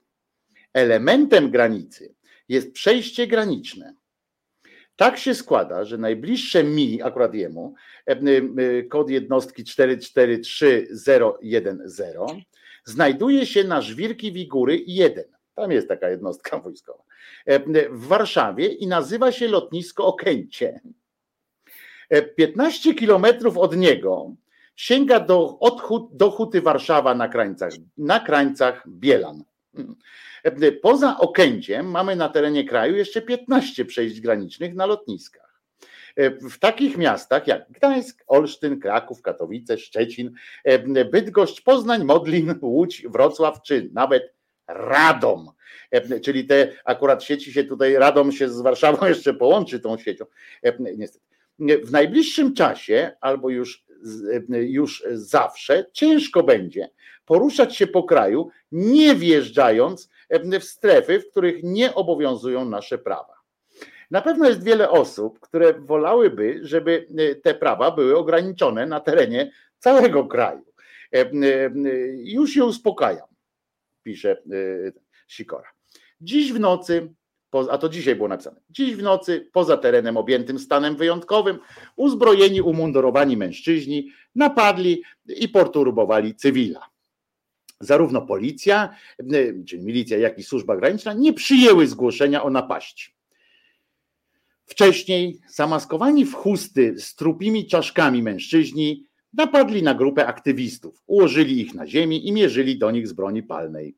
Wcześniej grupa umundurowanych mężczyzn pobiła i związała reporterów.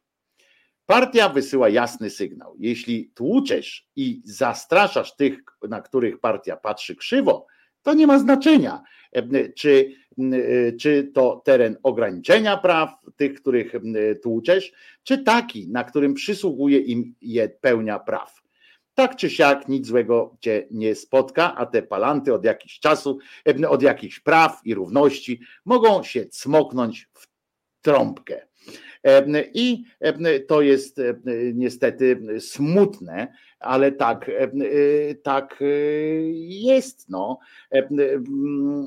że być może tam pewnie podejrzewam, że Sikora czegoś tam nie dopatrzył, że tam jest w tej ustawie napisane, że tam lotniska są wyjęte czy coś takiego, ale zobaczcie jak prosto jest, jeśli nie są wyjęte, to, to zobaczcie jak to prosto jest również egzekwować takie coś, pojedziecie na którejś z lotnisk, dostaniecie w pindol i, i się okaże, że mieli prawo, nie? Że, że są w prawie. Zresztą tak jak to napisał Sikora, i poza terenem też mają prawo, więc, więc jakby to coraz mniej mniej bolesna dla nich sytuacja, mniej, mniej skomplikowana w każdym razie dla nich sytuacja. To tak tylko tu zostawiam, żebyśmy wiedzieli, że my sobie dworujemy czasami, dworujemy, ale pamiętajcie, życie idzie do przodu i pamiętajmy o tym wszystkim nie z żółcią, tylko żeby nie, bo, bo mówię, na to, na to, co się tu dzieje, co Sikora opisał, w żaden sposób nie pomoże hasło jebać PiS. W żaden sposób bo to my się nakręcimy tym, możemy sobie wzajemnie y, pokrzyczeć, możemy sobie podnieść ciśnienie i będziemy coraz zadowol bardziej zadowoleni. My musimy, to jest moje zdanie, nie mówię w sprawie Piotr, Piotrek najwyżej się ustosunkuje, my mamy obowiązek i to tu w RO i w, w różnych innych mediach i między sobą, mamy moim zdaniem obowiązek zwracania się do polityków opozycji i, y, i do i obserwować służby, żeby zapisywać te wszystkie rzeczy, ale my mamy wymagać od polityków opozycji. Politycy PiSu nie są, my nie jesteśmy elektoratem PiSu, nie będą nas słuchali, nasze, nasze do nich apele, czy tam wylewanie, nawet wylewanie, to jest mój, moje zdanie, wylewanie czegokolwiek tam rzucanie, nic nie przyniesie. Ja bym prędzej, chętniej rzucił w takiej dobrej intencji coś Tuskowi na przykład, no nie powiedzmy, że rzucił w niego jajkiem czy coś tam, ale chodzi o to, żeby on widział e, nasze zaniepokojenie, nasze, nasze troski, żeby, żeby on przystąpił do, do pracy, a nie, bo nie, nie spodziewam się niczego dobrego po PiSie, natomiast chciałbym móc się spodziewać coś dobrego po, po no po, po, po, po opozycji, tak? No i nie wiem, czy Piotrze, podpisałbyś się pod takim apelem, żeby ja właśnie... podpisał, kogo mu zupełnie oczekiwać od polityków, ale oczekiwać też od siebie. My oczywiście od siebie oczekujemy dużo, bo my jesteśmy strasznie misyjni aż do bólu tutaj z Wojtkiem, ale generalnie rzecz biorąc, ja oczekuję od ludzi, znacie mnie, generalnie oczekuję elementarnego nonkonformizmu, żeby nie działać stadnie, jak władza coś mówi, to żeby nie było tak jak w 68, że niby,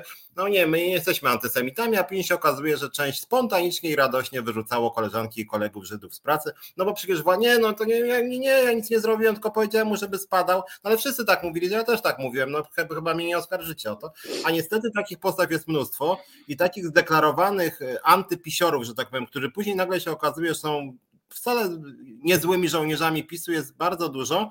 Patrz to, co mówiłem w programie, że, że, że spółka Agory AMS odmówiła nam Związkowej Alternatywie billboardu, gdzie krytykujemy patologię w lotnictwie, bo oni się przestraszyli, że, że może jednak obrazimy pana Michalskiego, który wykupił u nich też reklamy. Więc mówię, nawet Agora. Więc jeżeli takie konformizmy są w społeczeństwie, no to źle się dzieje, więc dlatego mówię, że od polityków oczekujmy, ale też od swoich koleżanek, kolegów i różnych instytucji, które wydawałoby się są po naszej stronie, a później okazuje się różnie. Dokładnie tak, ale jeżeli już do polityków, to ruszajmy do swoich, a nie do, do wrogich, bo to naprawdę nic nie da, że Kaczyński dobrze wie, że go jebiecie i naprawdę i dobrze wie za co, bo to jest cyniczne wszystko, dobrze wie za co i tamten, jeżeli myślimy, że ktoś, że ktoś że zrobimy na nich tym wrażenie, to naprawdę nie. Natomiast musimy zadbać o to, żeby ta opozycja, i to jest też nasze, nasza rola również, żeby ta opozycja nasza przestała myśleć, że tylko jebanie PiSu jest też bardzo dobre, że trzeba coś, coś fajnego. A na koniec jeszcze chcę jedną rzecz powiedzieć. Chcę powiedzieć, że bardzo mnie martwi, mówię teraz o absolutnie abstrahując od, od naszych tutaj rozmów z Piotrem, że bardzo mnie martwi, jak ja widzę na czacie, że Państwo się banujecie wzajemnie, czy coś takiego i tak dalej. Zgadzam się ze zdaniem, które wygłosił, napisał tu Waldek. Ludzie banujący swoich adwersarzy tu w RO nie dorośli do tego medium. Ja uważam, że w ogóle ludzie banujący różnych ludzi tak w czasie takiego czatowego, czatowej dyskusji to jest bardzo niepotrzebne i bardzo głupie. Nie chodzi o to, nie musicie, tu nie ma obowiązku. Pamiętajcie, że to jest tak jak z aborcją. Nie ma obowiązku e, e, dokonywania aborcji, więc to, że ktoś coś napisze na czacie, to nie macie obowiązku odpowiadać. Ale fajniej jest e, wiedzieć, z kim, z kim siedzimy w jednym kinie, że tak powiem, czy w jednym pomieszczeniu, z kim gadamy i tak dalej. Banowanie, usuwanie jakichś komentarzy w niczym, w niczym na pewno nie, nie, nie potrzeba. E, nie przyniesie to żadnego, żadnego efektu. E, to tak mówię, to jest nie, mnie to smuci, tak, mnie to smuci, że tak jest. I tak samo, jeżeli kiedykolwiek Państwo wiecie, że ja nawet w szyderze też to zawsze mówię, że jeżeli po kimś jeździcie, jeździcie tylko dlatego, że ktoś ma inne zdanie, to też mi się to nie podoba, bo, bo po prostu każdy ma do tego prawo i, i, i nawet jeśli to są głupie argumenty, z którymi my się nie zgadzamy, uważamy za głupie, to, to po prostu możemy na nie odpowiedzieć swoim, swoją mądrością, natomiast e, natomiast no nie musimy e, dokańczać typu ty gnoju albo si, albo coś takiego, bo to jest, albo wysyłać kogoś do Konfederacji, czy tam gdzieś. Niech sobie każdy pójdzie tam, gdzie, gdzie uważa za stosowne. A jeśli nawet jest ktoś jest wyborcą Konfederacji i zdecyduje, decyduje się przyjść tutaj, posłuchać Szumlewicza czy profesora Hartmana, to naprawdę dobrze o nim świadczy i że, że w ogóle, że chce coś robić, więc powinniście się cieszyć, że, że przychodzi tutaj ktoś z Konfederacji i na przykład jakiś konfederata, który jest ciekaw kurwa świata, nie? Ciekaw innych argumentów. To jest, to jest kurczę, o co myśmy, po co jest ten reset? No między innymi po to, a nie tylko po to, żeby sobie, żeby sobie brać e, e, do ust wzajemnie i, mm, i czekać, aż, aż będzie koniec, prawda? Tak myślę. To taki mój apel. Krzyżaniak, mam nadzieję, że Piotrek, w to akurat nie masz tutaj też. Mogę to powiedzieć w naszym wspólnym imieniu. Całkowicie. Ja jestem, ja jestem bardzo ekumeniczny. No więc, więc, więc tak trzeba. Bany są, bany są złe. Bany to dzbany. O, tak możemy powiedzieć. Kończymy w takim razie. Piotruś, Piotrka posłuchacie w środę o godzinie 17 w Resecie Obywatelskim w audycji, w audycji Czas na Związki. Ja zapraszam w poniedziałek poniedziałek o godzinie 10 na kanał Głosu Szczerej Słowiańskiej Szydery, a razem zaprosimy Was w przyszły piątek oczywiście, żeby z bani polecieć komuś bum. Pamiętajcie, Jezus nie zmartwychwstał. Dzięki wielkie Piotrze, za dzisiaj to była niezwykła przyjemność być tutaj z Tobą i z Wami. I teraz jak ktoś ma czas, to Hartmana proszę odsłuchać dzisiejszą rozmówkę. Trzymajcie się. Cześć Piotrze, cześć czaterski, cześć słuchacze. Reset Obywatelski.